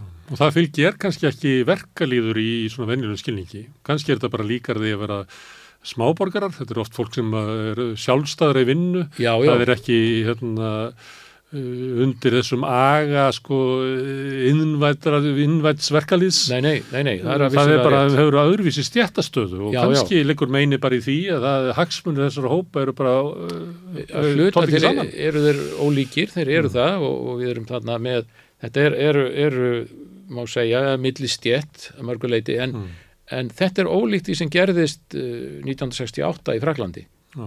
þegar að stúdentauppreisnin er í Fraklandi og, og, og stúdentauppreisnin er bara byrtingamind á nýjum mannfjölda uh, má segja uppbyggingu samfélagana eftir stríð. Allar þessi gríðalegi fjöldi sem fekk aðgangað háskólamentun og sem að kemur upp í kringu 1970 og, uh, og það, en þarna samt náði teng, náðist tenging. Studentarnir byrjuði að gera uppreist og, og, og það var hort á þá með vannvirðingu í raun og veru hvað þetta unga fólk sem aldrei hefði hendi í kalt vatn var að gera. En svo náðist tenging á milli. Og það, það lá við uppreistnum allt Frakland það var allserja verkvall og, Þetta var náttúrulega fyrsta kynslu barna verkalýðsins Já. sem var að sækja þannig að það var ennþá tengingar á milli sko. kom úr verkefælistéttinni Já. þetta voru eins og Hobsbawm hérna breski eh, hérna sakfræðingurinn skrifaði öld öfgana og, og hann segir sko hann er sjálfur hluta þessu að vera fyrstur í fjölskyldinni Mm. til að fara í háskóla sem að gríðarlega margir upplifðu á þessum tíma en, en voru þá ennþá með tenginguna við verkalýsreifinguna og, og, og verkalýðin. En e, og þetta var til þess að De Gaulle þurfti að segja af sér koma ekki aftur. Já. og, eh, og, og breytingar urðu mjög víða í vestarinu samfélögum og Sigur Mittrann hefði líklega ekki verið mögulegur ja, aldrei í Fraklandi fyrir, fyrir eftir. Sem var miklu róttakari heldur en uh, verkamannaflokkurinn á þeim tíma. Já og, og það það sem að kemur Mittrann reynd að gera já, já, já, talandi um svona góða sósjaldemokratíu frá 1950 þá var náttúrulega eh, mættu við gera meira úr þeim tilrunum sem að var reynd að gera á uppafsárum hans, hans tíðar já og, þessi bylgja sem þá var, það var mittir hand í, í Fraklandi og svo var það sósialistatinn á Spáni Já. og sósialistatinn í, í, í, í Portugal Já. og í þessum þremur löndum e, má segja að þeir, haf, þeir voru félagslega að mörguleit og eftir Mm. þar sem velferðarkerfin voru, voru, voru komið lengra en núna eru þau komið langt á undan Já. þetta er engum í hug að draga upp veski ef þú fer til læknis í Portugal þeir halda ennþá þó þessu frá þessum árum þegar að, sósialistar eða jafnaðamenn réðu í þessum löndum að þeir breyttu samfélaginu til langframa með róttakum aðgerðum á þeirra vísu og, og það heldur enn Já, og er kannski róttakari taug í, í sósjaldemokrataflokkonum í þessum löndum heldur verið en það er lengi, í Skandinavíu já, já. og í Breitlandi sem að því miður er eiginlega bara aldautt Já, það má kannski já, það er spurning hvort hægt að gera sér einhverju vonur um, um, um berga, berska verkamannaflokkin en þá en ég veit það ekki En þessi munur á svona, ef við myndum bara uh, hugsa þetta bara út frá svona stjættarátökum, að þá erum við með sko verkalýðstjættina sem að hefur uh, verkvælsvopnið og, og hérna, en Já, er hlut, hlutastlega minni núna en hann var áður. Já, það er nefnilega, sko, ég held að við verðum aðeins að skoða það með Mm. verkvælsvopnið Mm. Að það er búið að draga vígtennurnar ansi mikið úr verkvælssefingur Já. í, í fyrsta lagi með því að, að það er miklu færri sem eru félagsbundnir í verkvælsfélagum Mm. það er miklu færri minna hlutfall af vinnandi fólki Já. sem, að, sem að er á virkilegum uh, samningum sem verkvælsfélagin gera og þetta hefur dreigið máttin úr mörgum félagum og þetta hefur öruglega haft mikil áhrif í Breitlandi Mm. það er engin vafi að það sem að núna er bara eitt fjórði vinnandi fólks í, í Breitlandi er, er innan stjættafélaga Já, ég held að þessi 11 bróst í Fraklandi. já og í Fraklandi hefur nú orðið eitthvað, eitthvað gríðarlegt hrun og sumuleiti er þetta ennþá svona afleggingar af, af hruni kommunistaríkjana í Östur-Európu og hruni kom, kommunismans þar sem að, að því var líst yfir að kapitalismin hefði sigrað endanlega. Og, og, og, og, og risa veldi kapitalismans bandaríkin væri sem sagt heims lögreglan og, og það væri sem sagt ósigrandi kerfi og kapitalismin hefur síðan í 40 ár Og kapitalismin myndi sjá um okkur, þannig við þurfum ekki að áhugjur. Já, við þurfum ekki að hafa neinar áhyggjur. Það, þetta væri það kerfi sem hefur gert fólk ríkt. En það glemtist auðvitað í þessu og nú er ákveðin endurskoðan kannski í gangi í loksins, það kom, kom að því Mm. að eh, tímabilið eftir setna stríð 40 árin eftir 45 eða 35 ár eftir 1945 eh, það var, voru tím, var tímabil algjörar byltingar. Það, það er algjör bylting á högum almennings. Og svo bylting varð ekki fyrir kapitalismann heldur vegna þess að það voru önnur öll sem stýrðu þjóðfélagunum sem að nýttu sér af vissuleiti marga kosti kapitalismans Nýttu sér líka, En- en, sættu færis vegna þess að kapitalismin stóð veikt eftir stríð eftir stríð. miklu fjármunir hans hafðu eðalast. hann gerði það og til þess að byggja upp að þá var kapitalismin að vissuleiti beigður Mm. undir vald almannarhefingana, mm. jafnar stefnunar og verkeflisefingarinnar en fekk svo sem að, að, að, að starfa áfram við vorum með þetta blandaða hagkerfi þar sem ríkið sáum stóran hluta af efnarslífinu það voru mjög öflug samvinnufélög sem eru sumstæðar ennþá til í ákveðnu löndum, ekki hér á landi ennþá. Og síðan var það enga framtakið. Það er kannski að rifja það upp ef það er ykkur ungur að hlusta okkur að blanda hagkerfi á þessum árum var þannig að, að við opibera sáum opibera þjónustu. En í atvinnulífinu þá var blandað uh, hagkerfi. Það voru enga fyrirtæki en það voru líka ríkisfyrirtæki og félög sveitafélagana, það voru samvinnufélög. Það, það var blandað hagkerfið. Núna er blandað hagkerfið að enga fyrirtæki að eiga, eiga allt atvinnulífið og allavega helmingin af opibera þjónustunni. Þetta er byrjað að tala um sem blandað hagkerfi í dag. Er þetta nýja Já, það það færst, Já, já, hefur já. færst all Já, svakalega til. greinilegt- ég, Já. ég, er ekki eins og búin að ná þessu en þá Já, já. Ha, að það er, uh, víglínan er komin langt Já, inn í einu já, opinbera það þjónustu. sýnir, þróun síðustu Já. 40 ára Já. en það er ákveðið endumat í gangi held ég og, og ég held að, að, að, að við munum sjá meira af því núna á næstu árum bæði verða þá kröfur til flokka jafnaðamanna verða meiri Mm. Þannig þeir að við séum með alvöru Já, það séu Stefnu. einhverjar umbóta stefnu Mm. sem að sem að munar um en ekki bara verið að, að, að, að þeir, séu betri til þess að reka kapitalisman. kapitalisman og, og þennan dólga kapitalisman Það sem er blerismin í þessu. Já. Það, hérna, það er alltaf skemmtilegra þegar við erum á það, það gekk á nýjönda áratögnum í, í, í uppgangi tæknibildingarinnar með tölvu, tölvuvæðingun og fleiru Mm. að þá það voru bæði Blair og, og, Clinton í bandaríkjónum og það var þvílít góðar í kapitalismannum að það, það var allt í lægi að, að, að þeir borguðu aðeins Mm. þar að segja að, að, að aukningin í, í hagkerfinu var svo mikil að, að það munið ekki um að taka nokkuð prósent og setja í almanna þáu og það breytti ekki neinu í raun og veru. Hefði átt að verða miklu meira og róttakari breytingar. En núna eh, þegar að stöðnun ríkir mjög víða og, og við sjáum ekki fram á neitt annað í heiminum í dag auðlindir í umhverfinu er, er komnar að, að, að endi mörgum og, og, og umhverfið þólir ekki meira. Asia Higgstar sem hefur nú kert áfram heimsækjörfið. Já, og það sést náttúrulega að hagvisturinn í Kína verður, er ekki endalust í tekjastafa tölum. Og, og það er margt að gerast þannig svona, svona langtíma þróun sem þýðir að það þarf ákveði endurmat. Þar að segja á því hvers konar þjóðfélag viljum við byggja og hverjir eiga þá að ráða þessu þjóðfélagi mm. er það alminningur eða bara örfáir útvaldir Já.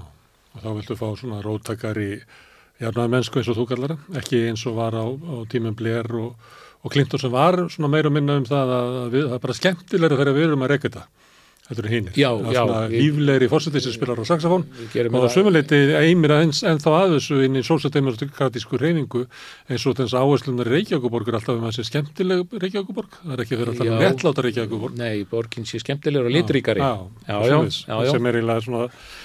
En í, ef við förum aftur, reynum að finna... En það hérna, var líka annað, það, það, þú minnist á þetta, það var það sem var svolítið skemmtilegt hjá, hjá félag okkar Korbin.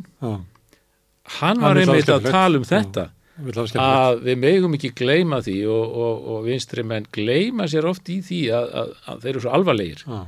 og þetta er svo mikið alvöru mál sem við erum að takast á við ah. og þetta er allt svo hræðilega erfitt að takast á við kerfið og ég veit ekki hvað, hvað og við gleymum því að, að lífið er, er ánægilegt ah. og lífið er, er, er gaman, maður er manns gaman og Og, og þetta var auðvitað hér áður fyrr verkefliðsreifingin var full af þessari menningu. Samstöðu menningunni. Og við viljum bröð, bröð, bröð, já við viljum meira, fleiri rósir. Já. og það, það er náttúrulega verkefliðsreifingin söngur og gleði. Verkefliðsreifingin byggði upp alþjóðhús til þess að geta verið þar að, já, að dansa og syngja ekkert frekar að, að halda fundi. og, og bjóð til sínar eigin menningarstofnanir. Vegna þess að, að alþjóðu fólk getur náttúrulega ekki verið frjálst inn í heimi kapitalismas, þar sem allt er á þeirra fórstum. Nei, við sjáum það líka bara í umhverfunu hvað, hvað þetta er eh, eiginlega þreytandi umhverfi þar sem að, að þessi fjölþjóða, alþjóða menning er, er styrtað yfir okkur úr öllum miðlum, í öllum áttum. Mm. Eh, börnin eru valla orðin 5-6 ára gömul þegar að þau eru orðin först í YouTube myndböndum sem er, er, er streymt yfir þau mm. og það, það vantar mótvægið, það, það vantar eitthvað annað, það vantar mm. angirið sem er, er, er svona hinn hin, hin fjölda góða menning, góða menning fjöldans. Það vantur að svara Margaret Thatcher sem sagði að það væri engin annar valkostur og það er víst annar valkostur og kunna nefna hann. Ég held að það sé framtíða markmið. Erðan, ég ætla aðeins að staldra við þetta með verkalýðin og kannski hérna nýju vaksandi millistjætt sem mm. er, hefur kannski ekki alveg sömu svona stjættalega stöðu og verkalýðurinn var 1950. Eh, Rótæk hérna jafnaðmennska 1950 var að líklega fara bara til þeirra sem að voru að strita og segja hvað vantar þig -huh. og það var, við vantar er í laun, við vantar öru túsnaði og hérna saggalöst og fallegt uh -huh. við vantar mentum fyrir börnum mín og mig sjálfan ég fyrir líka og við vantar hérna betra hreinlandi, við vantar sund til þess að stunda líka svekk og, og þetta var byggt upp já, já. Já. en núna ef þú fer til hérna byrti svona stefnu og fer til hérna restika fólksins sem hefur nú verið í fréttu núna sem já, að, að býr við ömuleg kjör já, og spyr það hvaða viltu? Og það er mm svara, mjög svipan átt og svara 1950 já. en þá er hluti inn í verkefnis, nei inn í, inn í, inn í allavega vinstri hreyfingunni sem segir op, op, op, op það er nú ekki alveg þannig sko, það eru önnur mál sem eru miklu brítni það er til dæmis ungurisváin og það eru við erum að standa hér í, í mannréttindabaróttu við hérna þurfum að auka réttindi kvenna og samkynniðra og transfólks og, og við viljum alls konar hluti aðra mm -hmm. já, já. og þetta er kannski það sem að vera að tala um að korbinismin eh, þegar upp, upp að staði þegar átökinn byrjuðu og kannski var hann óeppinn að kostingan 2019 styrjast um Brexit sem er var bara á flóki mál fyrir verkefnisflokkin að eiga við á þeim tíma að þetta er svona að, að hérna, þessi hreyfing sem hann soldið í, í safnahúsinu talaði eins og gætið haldið, haldið saman já, já. að við sjáum mörg merkið þess að hún er bara ekki að halda saman nei, nei. kannski getur hún haldið saman en lausnin er ekki fundin Nei og, og þetta er alveg rétt sem, sem svona lýsing á áherslu málum vinstri manna mjög víða, sósialista og annara áherslumálinn hafa verið þessi og, og þau hafa ekki náð til hins vinnandi manns, getur við sagt. Bara alls ekki vegna þess að, að, að, að þar er, eru enþá þessi klassísku mál, örugt húsnæði örug, eða að lifa af sinni atvinnu og hafa öryggi.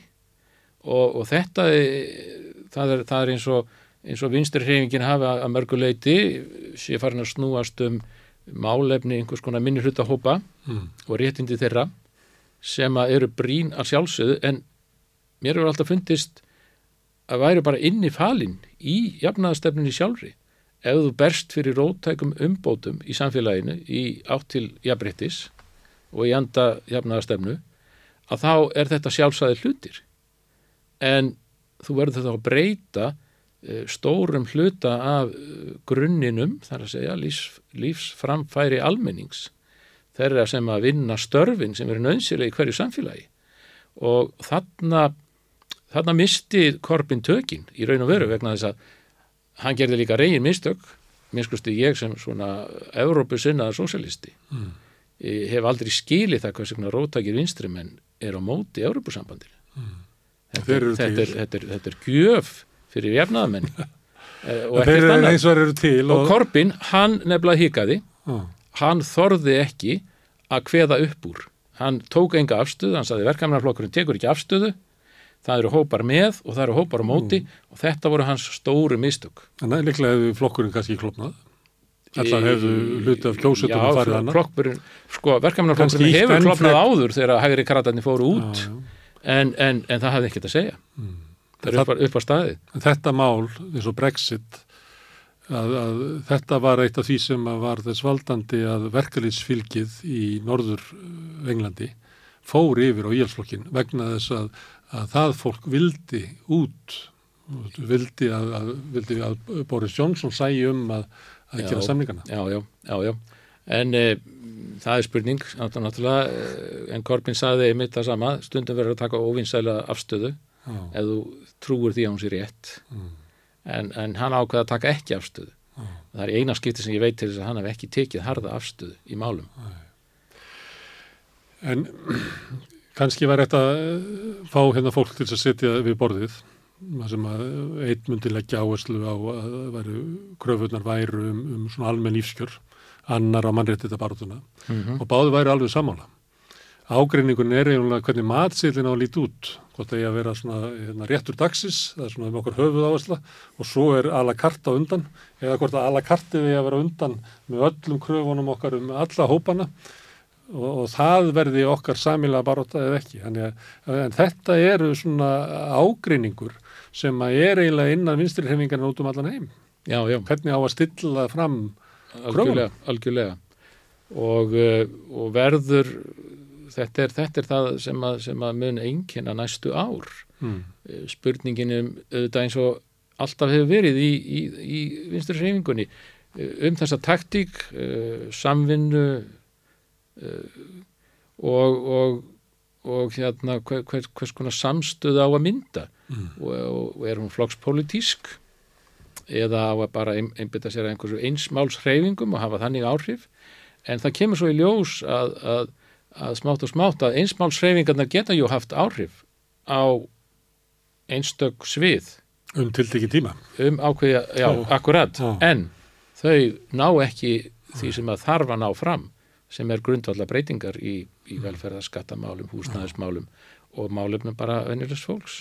Almenningur, hérna, 80% af almenningi hefur hagað í að almenningur nái völdum í samfélaginu og mótið að þörfum. Maður myndi ætla það.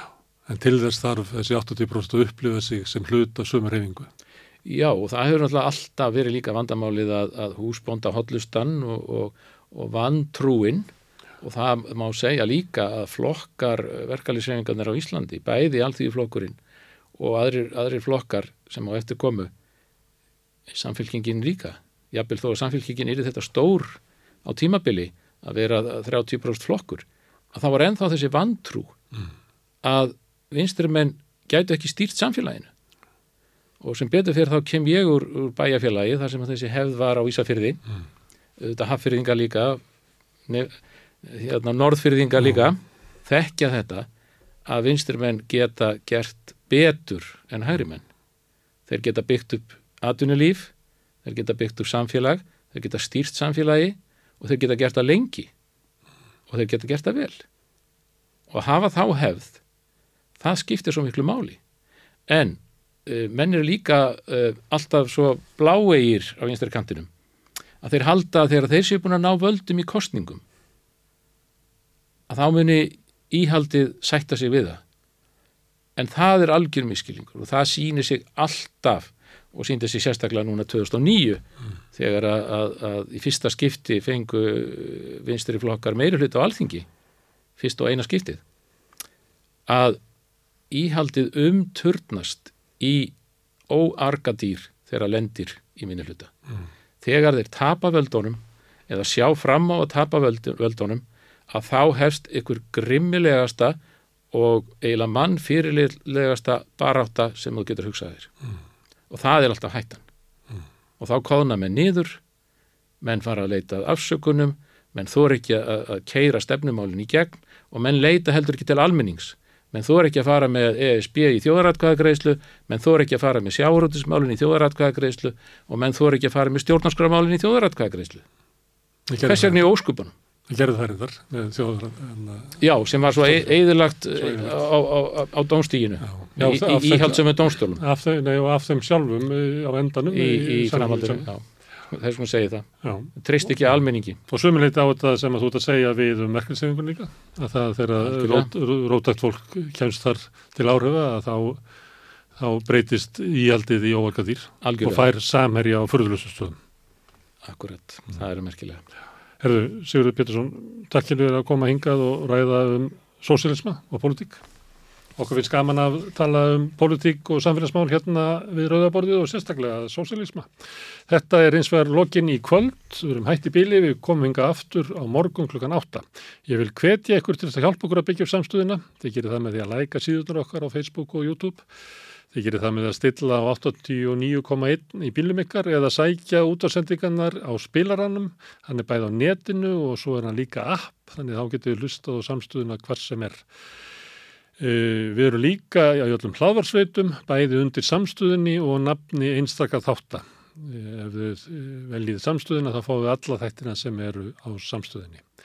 Svo erum við að undirbúa það að fara í fjárstýringuna að hefja sjónvarsúsettingar til þess að það sé hægt að þá þurfum við að samna 209 áskrifundum. Það er eh, ekkert svo mikið, ekkert svo stór hópur, en ef að eh, fólk tekur sér saman og leggur lítið til samstöðunar, áskriftu kostar bara 2000 krónur á mánuði, að þá getur við saman byggt upp öflugan fjölmiðil og gert eitthvað stort. Vonum að það rætist, en ég segi góða nótt.